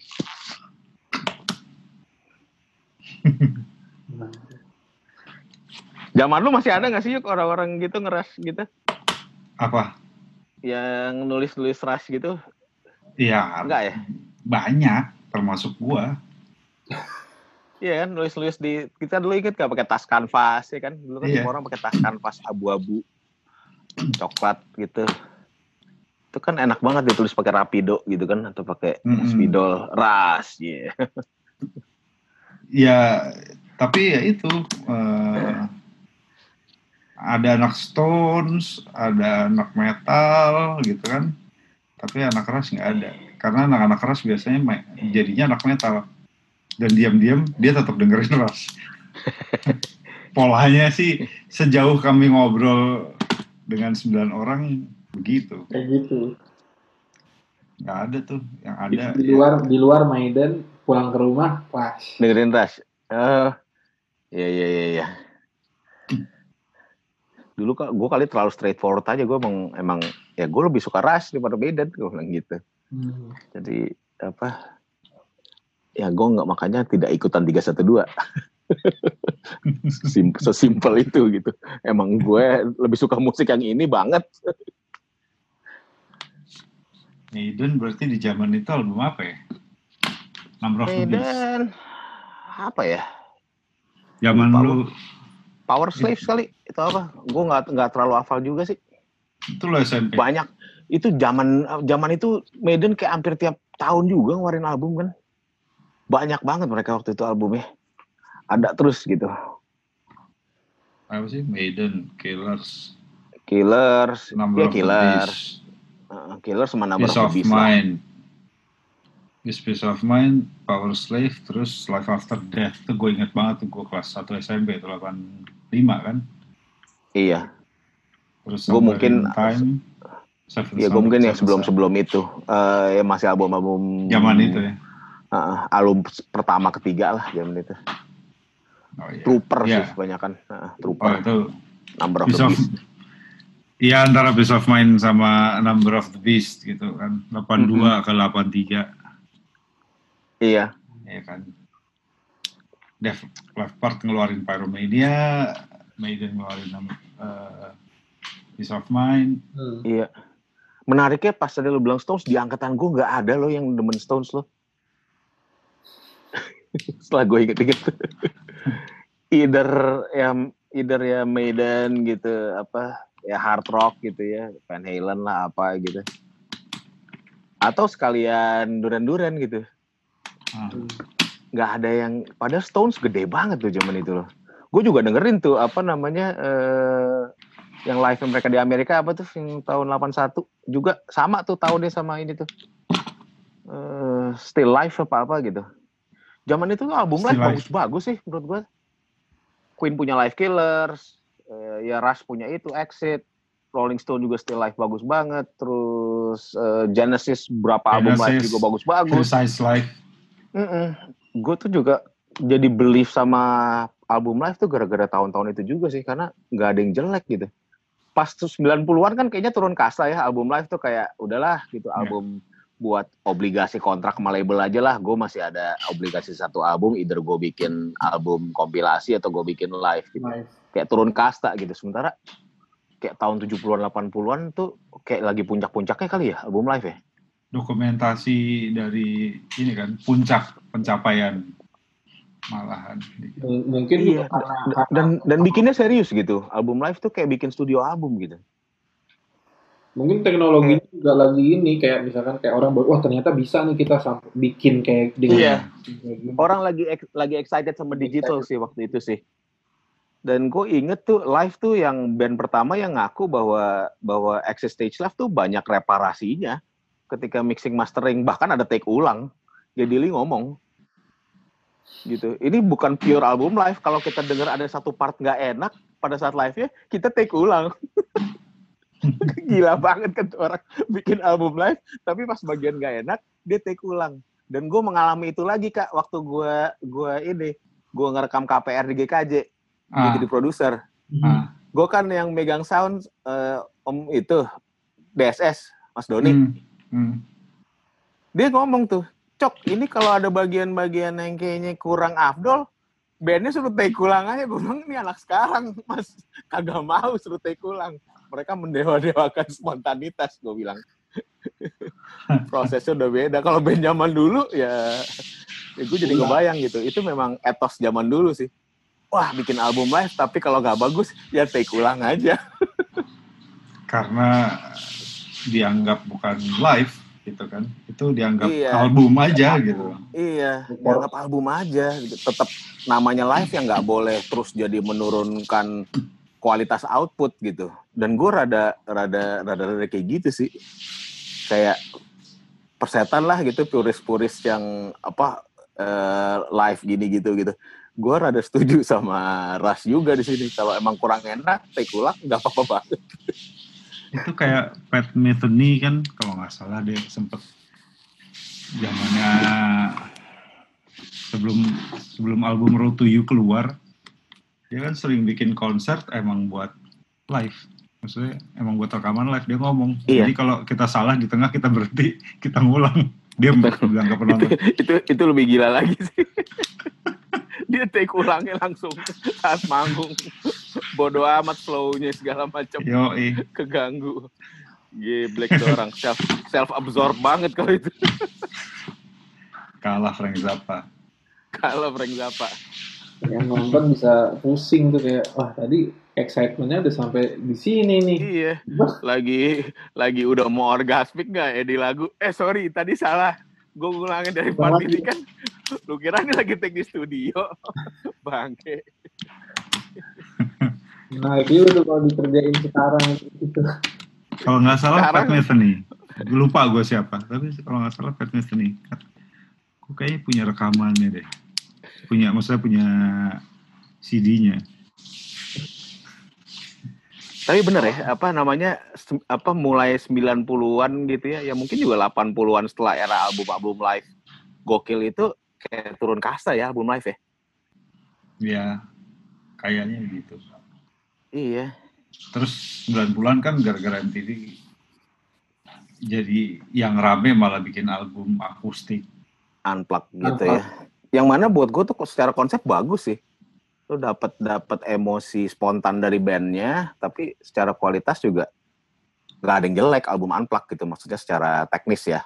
Kalau ya, bagus secara ini mah selera lah. ada band-band uh, yang sebenarnya enggak. Sebenarnya sama sekali enggak gitu. nggak cocok buat unplug uh, uh. iya iya iya. Itu mah produsernya aja nggak nggak bagus kurasinya Tapi yang Joe Satriadi sama siapa gue menikmati itu unplug itu salah satu unplug pertama kan tuh. Yeah. Triani sama siapa ya? Stevie Ray Vaughan ya? Atau atau yes, Stevie Ray Vaughan lah yang pertama banget. di MTV Unplugged dia kan pertama Ada yang berdua sih Banget. formatnya. Jadi dua Iya. dua gitu. Ini dua ya dua virtuoso lah gitu. Joe Satriani sama siapa lah gitu. lupa Itu cok itu oke sih. itu oke sih. lupa cok Apalagi- years celah Been years. iya lah ya tuh berapa iya puluh sih. tahun lalu ya kan Tiny Toons baru keluar di RCTI zaman itu seingat gue ya gila gitu aduh itu Oh sama Ras tuh juga apa ya? Dia dia band serius tapi dia juga kayak Exit Stage Left tuh kan dari kartun Hanna Barbera gitu, setahu gua. Mm-mm. nah Kayak kayak Snagglepuss gitu ya. Kayak dia nggak nggak apa ya? nggak mentang-mentang gua nih kayak band jago atau apa gitu ya paling nggak di rata-rata kan orang Indonesia ngelihat Ras tuh kan levelnya dewa gitu ya Iya, Padahal iya. mereka sendiri tuh nggak take themselves seriously gitu. Hmm. Dan itu gue suka gitu. I like that about them gitu loh.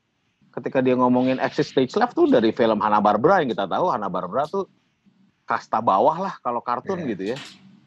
Kasta bawah banget. And yet dia ngambil ngambil ngambil Exit Stage Left dari Snagglepuss gitu.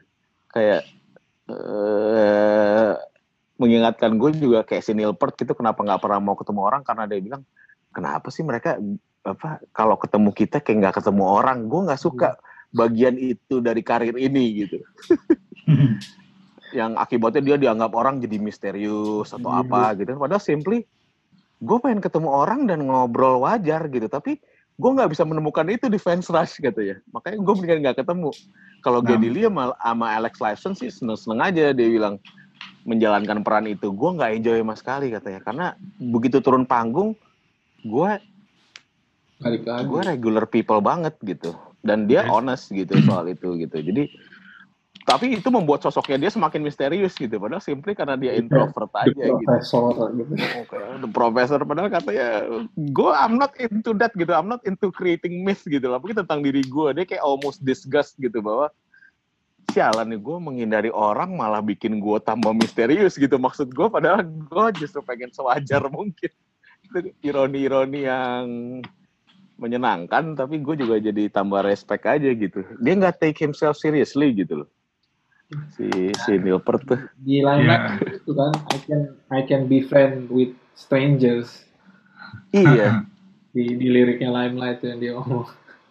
iya. Can be friend with stra- strangers yang baru gue ketemuin gitu. Nggak bisa gue Nah, nggak bisa. Dan buat gue itu itu itu itu bener banget gitu. Emang kita nggak bisa lah ya. Tiba-tiba kayak oh, long awaited friend gitu ya. Strangers as a awaited friend. Nggak mungkin. heeh. Wah, kayak menurut dia itu nggak mungkin siapa? dan gue setuju banget gua- ya jadi lu paham sebetulnya atas dasar apa gitu latar belakangnya pertanyaan yang nomor lima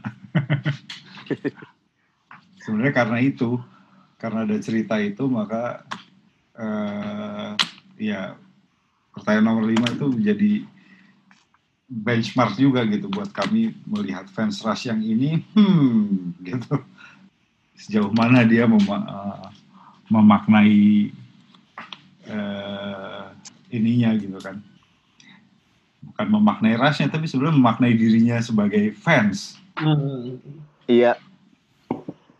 Gitu gue aja kadang-kadang nggak berani-berani banget sih terus terang mengklaim diri gue fans satu karena periode yang gue dengerin sangat terbatas.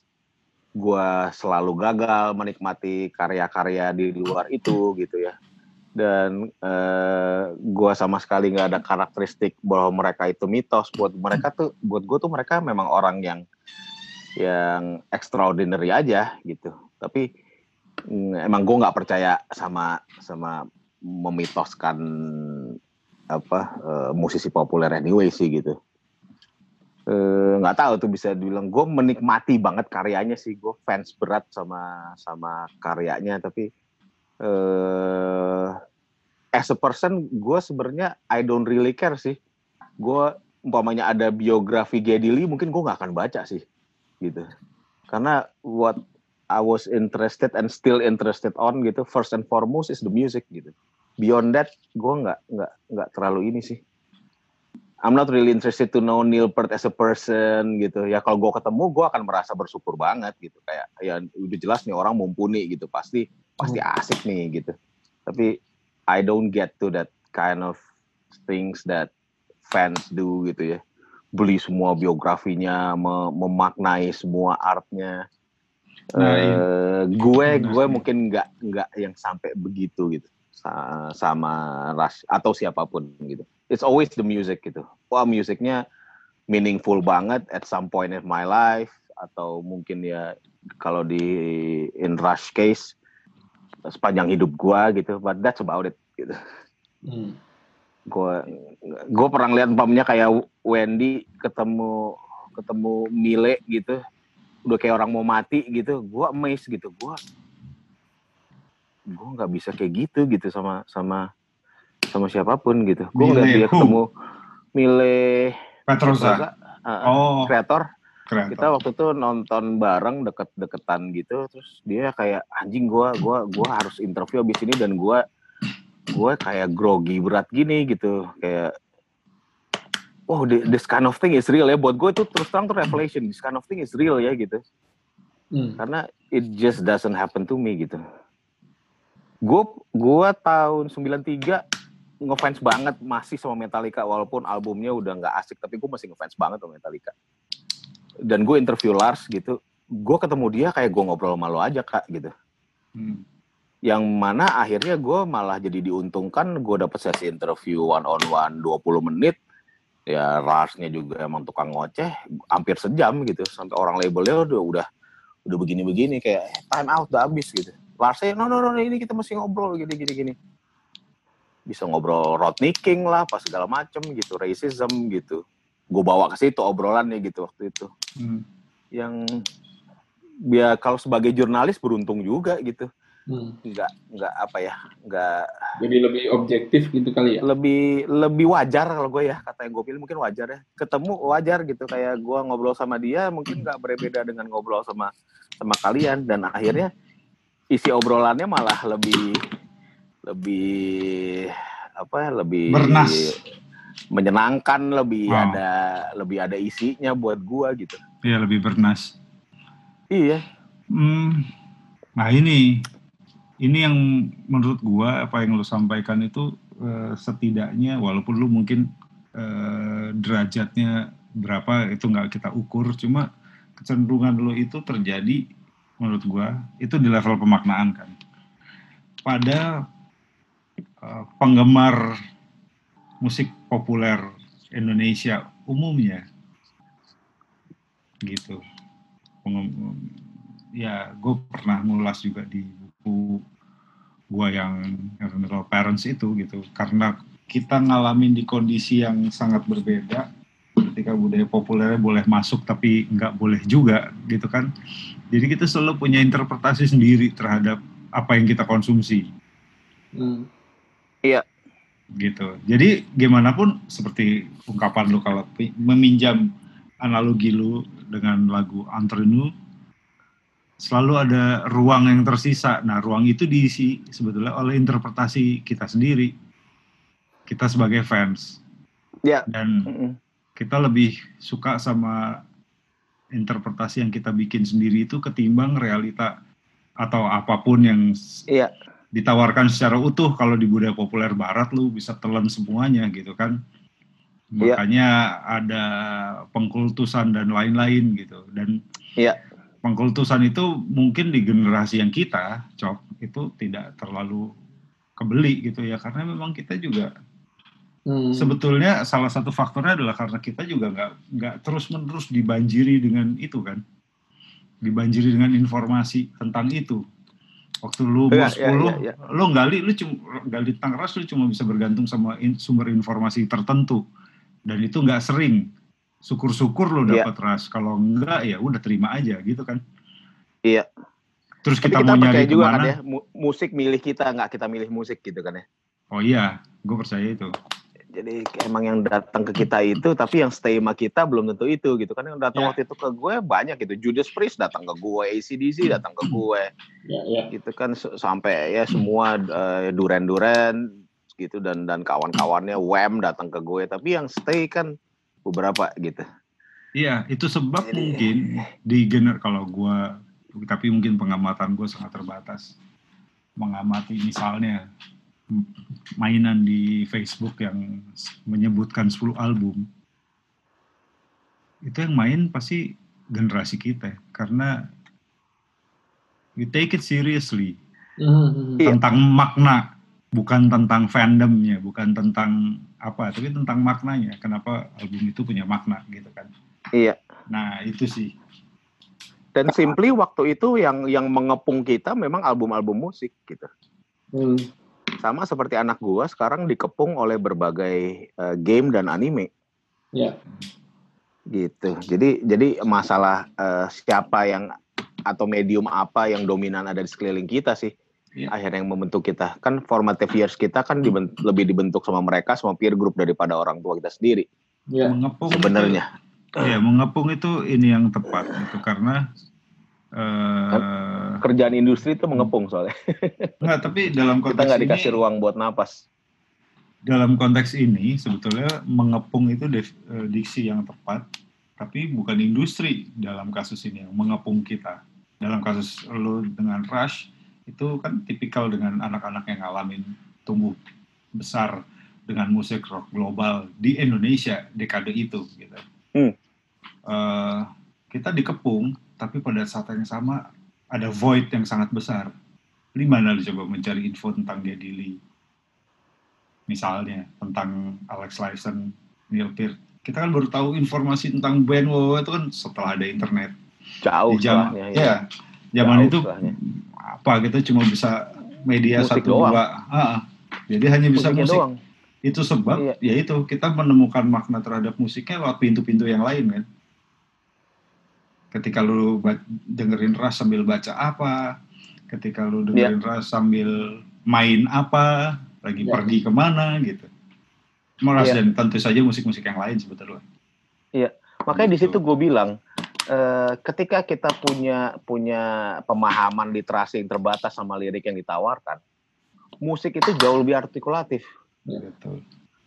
musiknya yang yang masuk ke ruang makna kita gitu secara bunyi secara apa Ya. gitu ya niatan mereka segala macam itu yang masuk sih karena liriknya mah rumit ya buat buat anak 10 tahun mah liriknya Iya. rumit gitu Mhm. kayak preordain mah anak 10 tahun nggak ngerti gitu many many years after that gue baru ngerti apa artinya preordain Yep.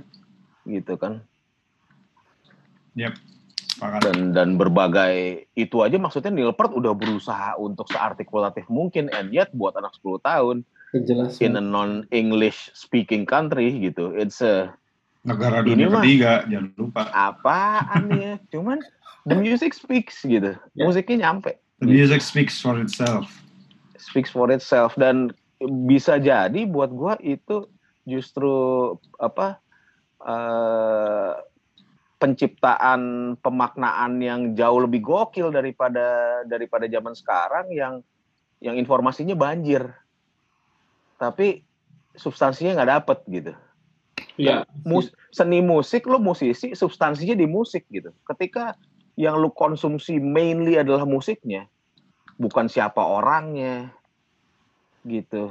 Bagaimana dia di backstage bagaimana dia di touring bukan semua semua apa namanya all the packages gitu. Zaman itu yang kita konsumsi almost purely the music loh. Liriknya aja kita belum tentu ngerti. Ya. Kita ngomong anak 10 tahun di dunia ketiga yang bahasa Inggrisnya ya Ya, nggak ya akan gitu. ngerti kata-kata nggak akan ngerti liriknya Rush gitu. Iya, iya. nggak akan ngerti liriknya tapi musiknya ngasih substansinya buat gua musiknya ngasih substansi yang later on ketika kita udah bisa lebih mengapresiasi liriknya jadi lebih gokil dulu baru secara bebunyian estetika komunikasi komunikasi musikal many many years from that dapat lagi bonus Iya, iya. apa eh, apresiasi lirikal. Jadi bonus banget itu ketika kita ngerti oh gitu ya, kita ngerti free will many many years after that. Ah, anjir ini ini ini asik banget dan ya balik lagi itu akhirnya yang yang gue pakai sekarang gitu. Tanamin fondasinya pakai pakai estetika musik dulu deh. Gitu. Hmm. Liriknya liriknya nanti bisa bisa apa namanya bisa uh, datang lagi bisa diapresiasi lagi nggak harus di saat yang bersamaan gitu Ya. tapi ya namanya musik musiknya harus harus ini dulu musiknya harus deliver dulu gitu Iya. ini bukan musikalisasi politik eh pu- pu- puisi gitu bukan Hmm, ya. musikalisasi puisi ini musik dengan lirik gitu beda beda format dengan musikalisasi puisi yang memang ya menempelkan bebunyian estetika bebunyian di di sebuah teks gitu ya. Hmm. itu gue rasa terjadi dengan generasi kita sih keberuntungannya ya. Ya. kita dapat dapat all the meats gitu loh all the substance gitu. Karena yang kita konsumsi musik bukan bukan Informasi jurnalisme musik, bukan teknik produksi musik, bukan ini musiknya as it is meant by the musician and producer lah at least. Iya. Itu tuh yang yang yang yang apa ya? I think that's what the kids these days miss gitu loh. Hmm. Karena bisa jadi mereka udah dapat seabrek informasi dan sudah menjadi ya, ya sudah menjadi kebiasaan ketika oh gue lagi suka band A nih langsung deh googling Ya, kan? dari cerita. Yang- Ah, ah, yang yang yang bisa jadi itu mendistorsi substansinya gitu karena musisi pasti juga pengen diapresiasi atau pengen berkomunikasi mainly lewat musiknya kok bukan lewat press release bukan Ya. lewat interview bukan lewat konten dari musiknya kalau musisi beneran ya Bukan Dan- hanya mendistorsi ininya, cok kayaknya apa? Hmm. Bukan hanya mendistorsi itu, tapi mendistorsi proses apresiasinya juga kan? Iya. Mendistorsi substansi sih buat gue. Substansi musik harusnya lo dapat dari the music gitu, the music itself gitu. Makanya kadang-kadang beberapa musik begitu gue musisi gitu ya, begitu gue lihat oh packaging live-nya kayak gini, gue nggak mau nonton. Kebanyakan gimmick atau apa gitu ya, gue jadi nggak mau nonton. Ada kan eh, ya dengan kita paham lah dengan berbagai eh, tuntutan eh, industri hiburan gitu kan gue yang begini oh gue gue nggak gue nggak mau ini deh nggak mau nonton live tapi gue gue menikmati apa eh, studio albumnya Hmm. sebaliknya ada musisi yang sangat paham gitu meng- mengamplifikasi kekuatan musiknya lewat seni pertunjukan gue bela-belain tuh nonton gitu Ya, ya, ya. musik se apa ya musik serenyah Pet Shop Boys gitu umpamanya gue mendapatkan apresiasi yang sangat lebih ketika nonton live-nya karena mereka memang melakukan komunikasi visual dan seni pertunjukan yang gokil yang gue baru situ umpamanya baru sadar bahwa wah anjrit lagu It's a Sin itu ternyata adalah It's a gay guilt song Hmm. jelas banget di panggungnya gitu. Si Neil siapa itu di sebuah altar, panggungnya gelap, disorot lampu merah dari atas, single spot yang menempatkan dia sedang dihakimi. Oh, gue baru nangkep puluhan tahun dengan lagu itu. Ini lagu adalah tentang adolescent yang dihakimi karena dia gay. Dan di situ gue merinding di live-nya. Gue nggak nangkep itu di di di lagunya. Orang lagunya jogetan gitu kan. As I look back upon my life gitu. Tapi itu lagu menjadi sangat ngeri ketika di panggung gitu. Hmm. Ya ini ini ini apa balik lagi ngomong-ngomong live ya. Hmm. Gokil banget sih emang. Dan ketika gue tahu bahwa mereka membawa the whole the whole apa the whole production ke Jakarta kan kadang-kadang kan kita tahu lah ya live di Jakarta suka gitu kan productionnya ditaruh di Singapura mereka main sebentar di Jakarta productionnya langsung ke Australia jadi di Jakarta panggung simple banyak tuh kan live kayak gitu Iya. kan. Karena kita tidak dianggap major market gitu. Tapi Pet Shop Boys nggak mereka insist tiap show kita sama deliverynya. Itu aja sebuah etos yang gue angkat topi ya. Karena itu ada kemungkinan rugi eh, rusak barangnya nyangkut di custom. Wah kita paham dah ribetnya tuh kayak apa. And yet mereka mereka mereka insist. Itu gue respect tuh. Kalau bicara ini ya. Dan membuat substansi kalau kita balik ke topik substansi musiknya menjadi menjadi apa menjadi sangat nyampe gitu.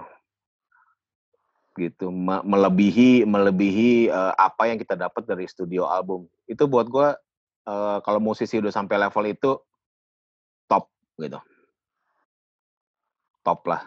Lu bisa bikin orang uh, punya punya apresiasi lebih, bisa ngelihat layer-layer lebih yang mungkin nggak berasa di albumnya, lu lihat itu di live itu itu itu gokil, gokil.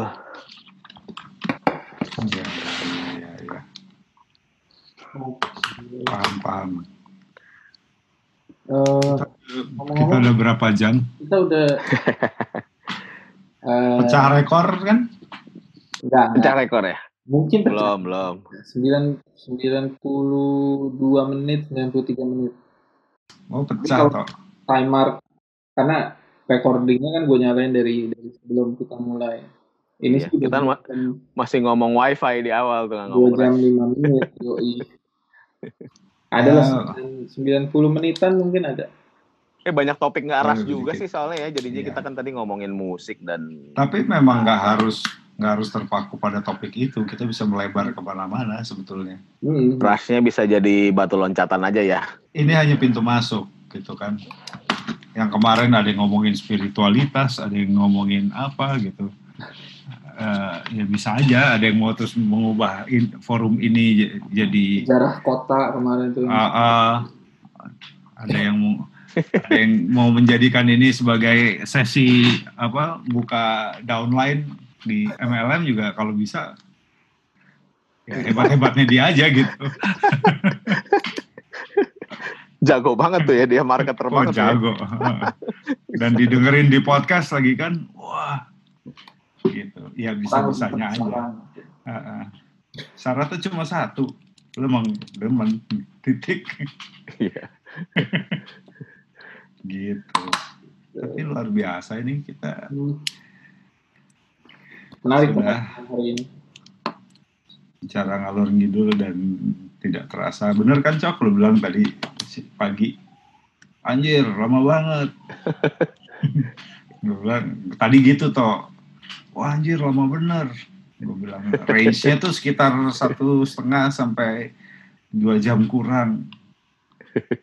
Gue bilang sama dia sama Coki ntar lihat deh. Pasti pasti panjang nggak mungkin nggak panjang. Kayak ternyata benar. Benar benar. Benar. Nyangkut gitu. Pasti ternyata memang batu loncatan yang asik buat ngomong berbagai hal ya. Nah itu memang sebetulnya ketika kita bisa menemukan ini kalau versi versi podcast ini gitu ya, eh, kalau kita bisa menemukan hal-hal macam itu, maka layaklah dia kita sebut sebagai dia nih dalam hal ini dalam konteks ini Rush kita sebut sebagai apa ya uh, ikon kebudayaan lah jauh banget. Tapi iyalah. Fenomena, bud fenomena budaya sih memang. Pasti buat gue udah cultural phenomenon sih. Iya. Ikon dalam da, bagi ini tertentu dia jadi udah jadi ikon kan iya. Gitu iya. loh. Bukan sekedar dia sudah jadi tanda budaya gitu loh. Iya. Iya iya dan iya. apa pun yang apa pun yang bisa membuat lo nyamber ke mana-mana melebar atau menemukan konteks baru kesangkut sana sini dalam berbagai macam topik lewat pintu tertentu maka pintu itu jadi signifikan. Hmm. iya. Gitu ya kan? Dan itu Nilpert tuh ya sebenarnya. Yeah. Yang ngedrive. Dan gue percaya, gue pribadi gitu uh, percaya betul bahwa ya letak pentingnya musik populer sebetulnya adalah itu. Ketika dia bisa me, dia menghadirkan lanskap pet, uh, peta, peta wacana. Hmm. hmm. Gitu. Peta wacana yang gimana tuh? ya yang nggak yang nggak tahu yang kayak gimana bahwa dia bisa menghadirkan itu aja dan kemudian disadari oleh orang-orang yang berbincang dalam peta itu itu membuat dia jadi penting sekali apa pun ketika yang mem, mem, apa ya melakukan atau memperbincangkannya tidak pernah menyadari itu ya dia uh, terpaksa uh, tidak bisa disebut signifikan gitu kan. Iya pastinya memang ada level, ada ada gradasinya gitu kan. Memang. Ya justru dengan keberadaan gradasi itu sebenarnya menunjukkan signifikansinya dia gitu. Betul. Dia bisa diapresiasi, dinikmati di, Di level yang mana. level yang beda, di spektrum yang berbeda. Emang Rasi Rasi definitely on that on that ini ya, Iya. on that on that uh, level gitu. Ya mungkin ini bisa memperkaya eh, yang tadi pagi kita diskusikan ketika lu ngomongin program lu gitu kan. Iya. Ya ini gitu. Kenapa dia signifikan ini? Gimana mengatur apa menentukan signifikansinya? Ya yang barusan gua sampaikan sih kali semoga benar. Tapi kalau Ras gue setuju sih. Gue gue kan pakai pakai apa selalu pakai pakai apa eh, framework tuh eh dalam melihat eh, karya seni itu eh, gagasan, estetika, teknik.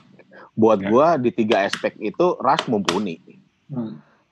Gagasan-gagasannya ya selain orisinil dalam ya. Plus tadi upayanya Nilpert untuk selalu menyampaikan sesuatu yang mungkin abstrak atau filosofis dengan cara yang dengan cara yang seartikulatif mungkin gitu. Mm. Jadi dari sisi gagasan udah bagus. Mereka punya teknik yang yang apa namanya yang sangat memadai untuk me eh, apa mendeliver gagasannya. Dan terakhir mereka punya estetika yang baik Hmm. untuk untuk untuk apa membungkus eh, bukan banyak ya orang jago secara teknik tapi Mm-mm. estetikanya atau taste lah kalau orang bilang estetikanya nggak kena. Jadi akhirnya kayak daya rayu budaya populernya, daya persuasifnya nggak dapet. gitu. Iya. Budaya populer kan harus punya itu. gitu Harus ya. punya itu. Nah itu gue bilang di tiga di tiga aspek itu Rush tuh skornya tinggi. Gagasannya kece, teknik tidak diragukan, level virtuoso, estetikanya pun nggak main-main gitu.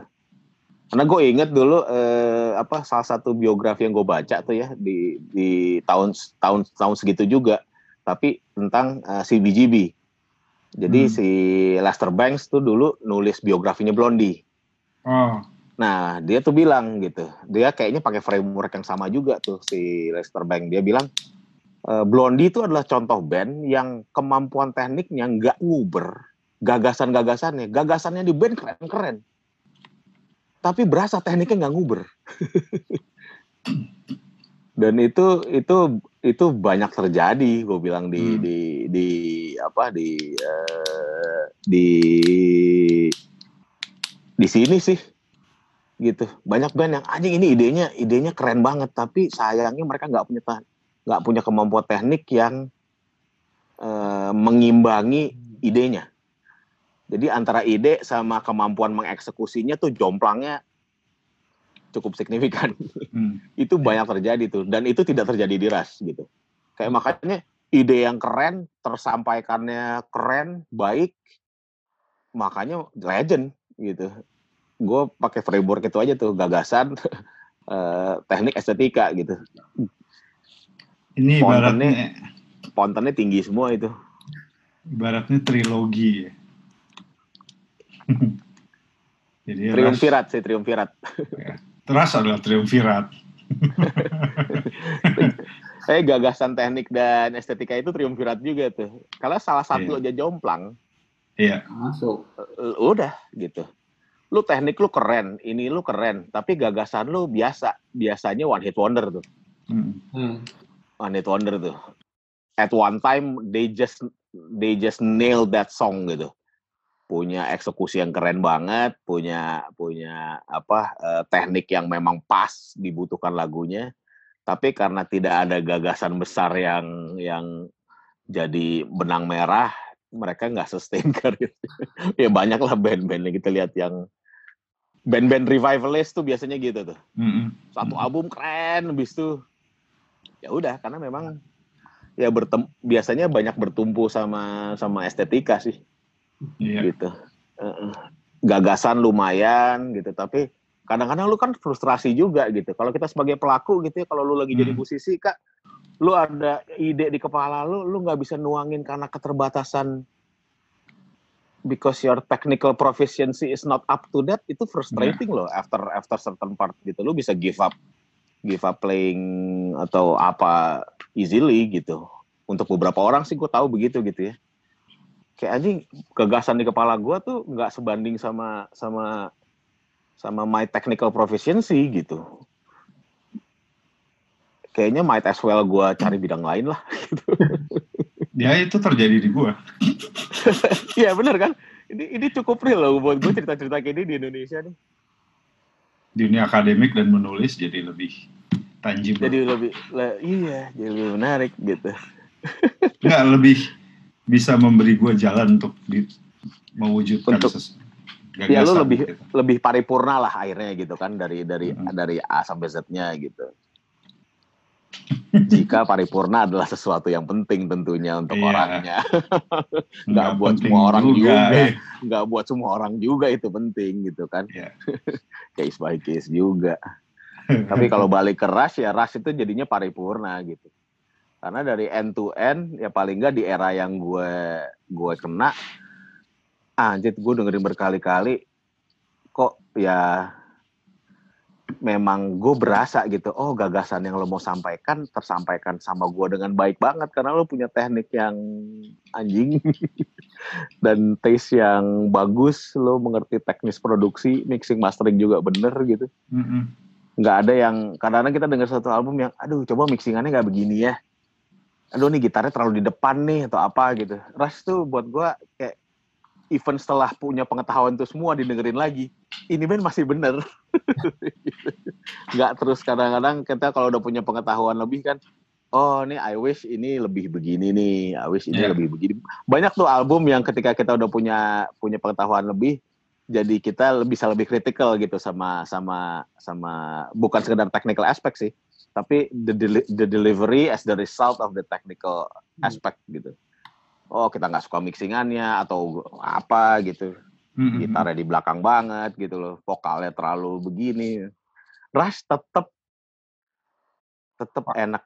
Rush eh, Queen di zaman itu. Kalau dengerin lagi anjir emang udah nggak bisa lebih baik dari ini sih. Sial nih orang-orang nih. Dari musisi produser sampai sound engineer semua sialan nih orang-orang gitu Iya. paripurna tadi ya Nah, itu juga kali salah satu yang diajarkan Rush tuh kata kunci tuh. Rush, tuh mengajarkan keparipurnaan tanpa take themselves Iya. too seriously gitu. Tapi sebenarnya Iya. mereka tuh well at one point si Gadili bilang sih kenapa kita take ulang buat exit stage left kalau balik lagi. Karena I don't wanna ruin the perfection of the song. Berarti memang dia perfeksionis saat itu. Ah, dia ngaku. Itu kemauannya Gedili bukan produser. Take ulang, take ulang. Gue nggak mau ruin the, the, the song. Lagunya bagus. Terus gara-gara gue band wrong note waktu live, gue harus take ulang. Itu Gedili yang ngomong. Adalah itu di internet. Iya, dia iya, ngomong gitu. Untuk access stage lah. canggih bagian-bagian ya kesempurnaan itu ya maksudnya Heeh, paripurna gitu. Paripurna ya paripurna kalau gue ngeliatnya tiga itu tadi ya. Gagasan, teknik, estetika. Yang sekarang yang bener-bener megang kredo kayak gitu siapa coba gitu. ya Justru gue menemukan dalam batasan tertentu yang kayak begitu itu BTS loh. ya Walaupun gagasannya kita belum tuh suka ya, tapi dia paripurna loh secara output. Gue bisa merasakan niatannya dia, deliverynya dia dengan dengan ini itu itu ini eh, solid gitu. Hmm. nggak nggak ngejual estetika doang ya maksudnya nggak Iya, ngejual estetika doang gitu. panjang. Nggak nggak nggak nggak commodity banget dan definitely nggak mediocre gitu. Masalah kita suka estetikanya dia adalah adalah persoalan selera ya. Jadi, tapi ketika ngelihat prosesnya oh kita mengerti mereka mengapa mereka mendunia gitu mengapa BTS sekarang mungkin seperti Queen di zamannya gitu everybody listens to them gitu except for us gitu old farts Iya. sih tapi gue secara prosesnya gue respect gitu secara prosesnya gue respect secara konsep paling kuat sih kalau menurut gue ya dari kuat Nah, kuat perjalanan banget. Dan memang pas gue cermati liriknya, liriknya juga nggak ece-ece sih. They talk about apa eh, social injustice da- dalam dalam artikulasi yang benar, perspektif yang baik gitu ya. Oke nih gitu. ada dua atau tiga lagunya yang mengutip Marx kalau nggak salah Iya, Gue dengar itu. yang buat Gua gue kayak kata temen eh, gue sih. mungkin buat orang generasi kita itu it doesn't mix gitu kan antara antara kemasan kayak begini sama muatan kayak begini gitu. Iya, iya, bener. Ya itu kan kalau puris. Gitu. Kalau Iya. lu puritan Tapi- kan gitu. Iya, tapi sama halnya ketika ketika gua ngasih majalah Brainwash ke bokap gua dengan tulisan Tan Malaka, bokap gua tersenyum gitu tahun 90-an gitu. Majalahnya si Wendy, fans ini Hmm, Wendy. hmm, iya. Gue bilang gitu, eh, eh, Pak, ini anak zaman sekarang kalau tahu Tan Malaka dari beginian nih Pak gitu. Hmm. Itu ini aja deh, skip aja deh tulisan apa namanya, eh, kan masih yang crude banget tuh ya, Brainwash awal-awal Iya, iya. covernya yang apalah gitu-gitu kan. Tapi di di dalam itu ada sebuah artikel Tanaka gitu ya. Gue bilang this is how you get to the young people. These days bokap gue bokap gue senyum. Nah mati dia seneng. Ya sama dengan kayak kita maksudnya analoginya who would have thought that underground magazine akan mix dengan Tan Malaka gitu in the Hmm, 90s just iya, like who would have thought that BTS would mix today gitu? Bener kata lo gitu ya. Emang kita Ayo jangan jadi purist deh, rugi lo jadi purist. Itu aja kali ininya kali yang dipelajari jadi jadi moral of the story tonight. Yang lu belajar Iya. jelas jangan jadi purist deh. Itu juga Di kalau lu, eksperimen. kalau lu dengerin ras harusnya kita nggak jadi Padahal- tulis gitu ya. Iya. Iya. Lucunya ada ada orang yang justru kayak eh, they're being purist about Rush gitu kayak gimana sih kayak lo ironi ya sih gitu. Lo justru denger Rush mungkin jadi certain kind of elitism gitu ya nggak sih? Ada nggak sih kak gitu-gituan? Ada, ada juga yang gitu. Ya ada. Iya kan? Kayak eh gue dengerinnya Rush nih gitu kan. Eh, lo lo belum nyampe lah gitu. Kayaknya ada sih orang-orang kayak gitu ya menggunakan Rush sebagai kayak penanda apalah gitu. Ya itu jadi alat untuk mengonstruk identitas kan. Iya, Lewat kelas, Meng- lewat apalah, lewat iya. Mengonstruksi identitas pasti nggak apa ya? Mengonstruksi kelas itu loh yang nyebelin ya nggak? Mengonstruksi kelas lewat lewat musik tuh itu gue personally nggak terima banget sih. Di metal di metal aja ada kan kayak gitu kan kak, gitu kan? ada. Lu metalnya metal yang mana dulu nih gitu kan? Ada kayak gitu gitu. Iya. Ada aja, ada aja itu pasti ada. ada aja gitu. Aduh, itu mestinya salah satu kita belajar dari Rush tuh. Lu, lu mereka yang separipurna itu aja justru nggak begitu gitu. loh. Heeh. Janganlah. Iya, iya, iya, iya. Oke. Wah. Dua jam 20 menit, mantap. Dua jam 20 menit ya? Gue udah posisi posisi mager banget sih nih ngomong lebih dua jam lah aslinya. Ya, Rekor. akhirnya pecah rekor kan. Rekor. Pas lah di episode ke-10 narasumber ke-9 Pecah rekor. akhirnya pecah. Selamat ya. Lu kelihatan teler sih kak. Iya, Taylor lah. Gue harus Sorry ya. me- menjerap semua wacana terus menulis gitu kan, Mencatat. Iya. catat, Ngomong menyarikan, Ngomong menyarikan, o- makanya menyarikan omongan lu sambil dengerin omongan lu, dia nyampe mana sambil mikir dia barusan tadi eh, poinnya sebenarnya ini nih menyebutnya gue sadar gitu kan Iya. dari tadi nih ada 25 poin yang bisa Banyak amat. iya paling banyak dari yang lain-lain Gitu. gitu Ya ya. Udin Ya. ya Sudin Nggak mungkin bisa gini ngomongin Van Halen, nggak mungkin sih. Oh, jangan nanti fans Van Halen marah. Gue juga juga fans Van Halen. Oh, iya. Karena itu gue tahu nggak bisa dibawa se- seperti ini. Udah ada tempatnya masing-masing gitu. ya itu apa kalau patah Jawa Legend juga tuh band tuh. ah, iya Legend. Ntar panjang lagi udahlah Panjang lagi. Nanti cerita lagi nih Kurt Iya, Cobain kayak fanboy ketemu Eddie Van Halen di backstage tuh. Ada juga tuh ceritanya. Siapa yang kebayang ya Kurt Cobain bakal kayak anak kecil ketemu Eddie Van Halen?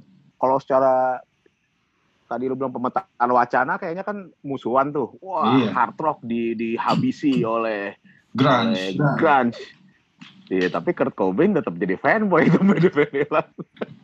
Iya, fanboy adalah fanboy kan. Fanboy adalah fanboy. Iya. Ya kan narasi grunge membunuh hard rock itu kan sebetulnya industrinya juga yang bikin gitu. Iya. Pemain-pemainnya sih ya nggak nggak begitu-begitu amat sebenarnya. Jualan-jualan media lah gitu. Ya, pasti. Iya. Betul, betul. Oke kalau begitu Oke, Cok. Makasih banyak Sama-sama. Untuk kuliahnya malam ini.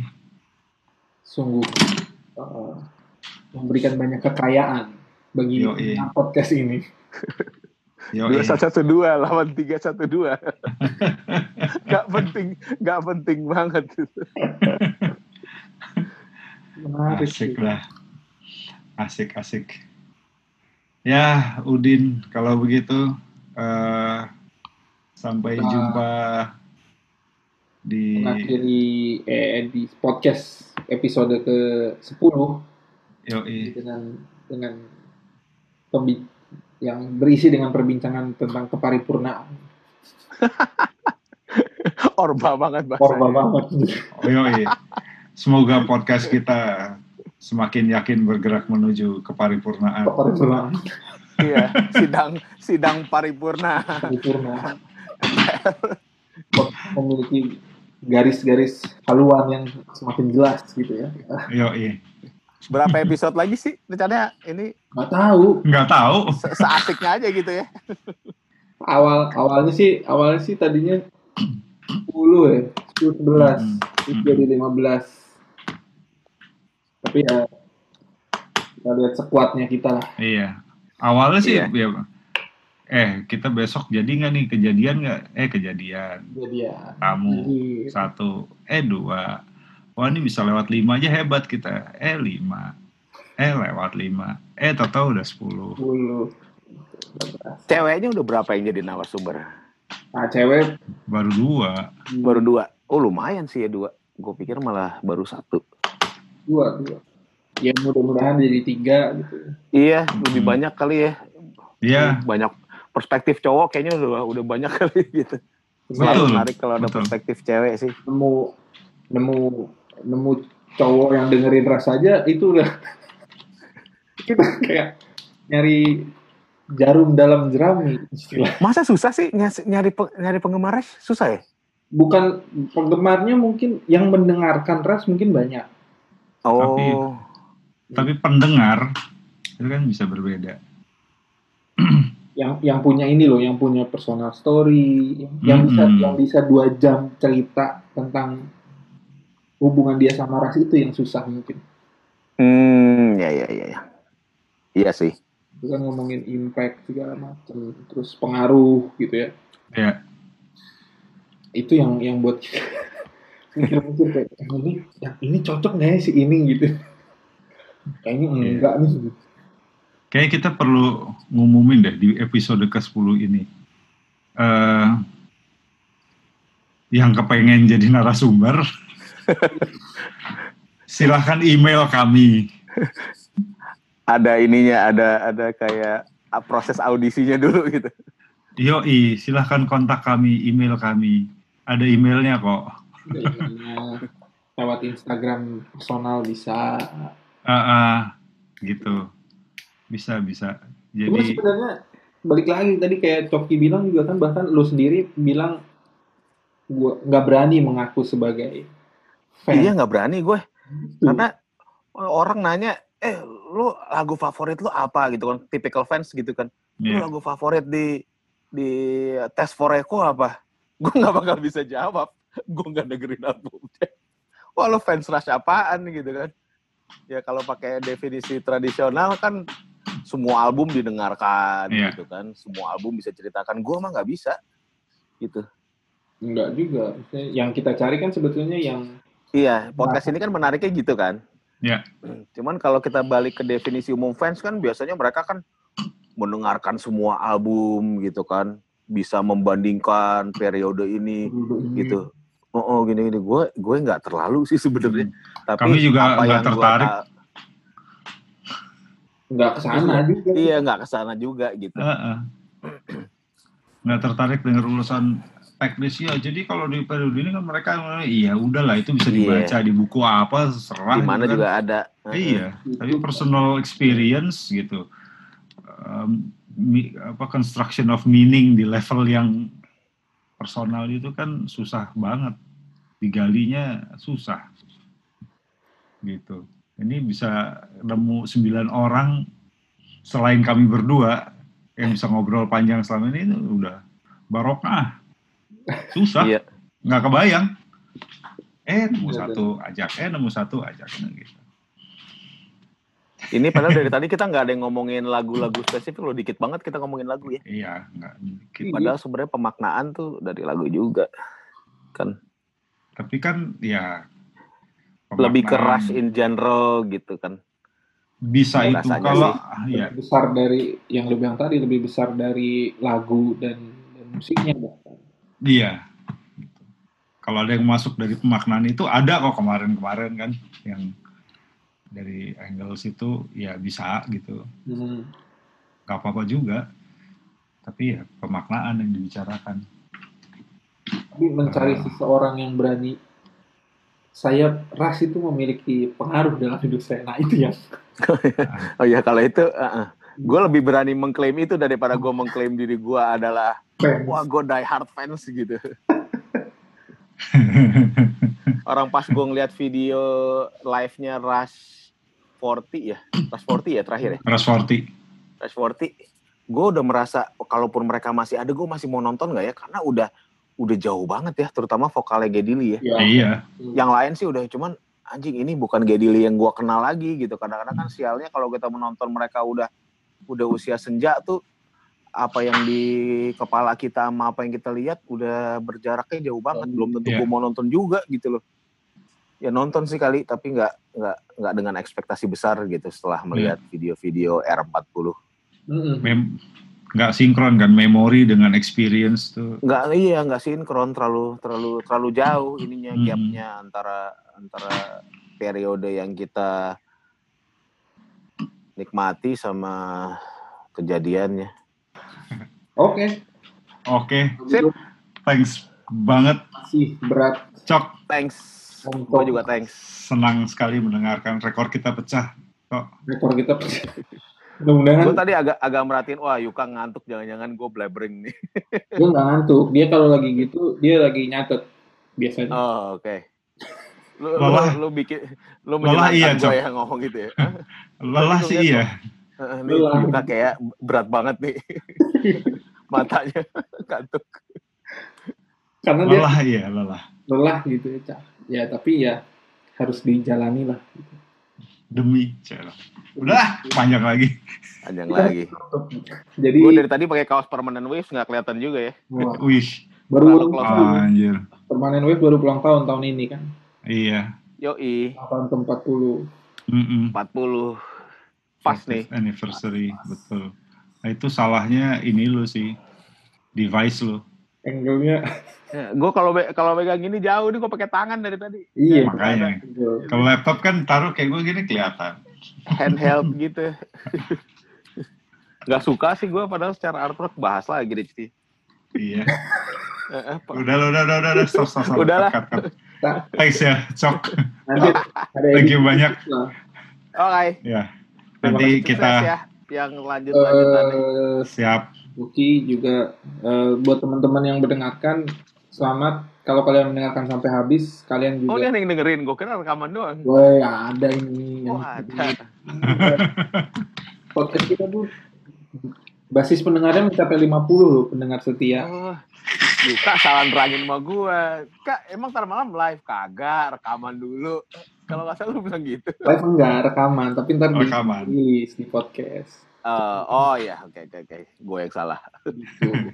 tapi ya begitulah. Eh, nanti minggu depan kita akan balik lagi sama tamu yang berbeda juga dengan cerita yang juga mudah-mudahan nggak nggak memecahkan rekor lagi gitu.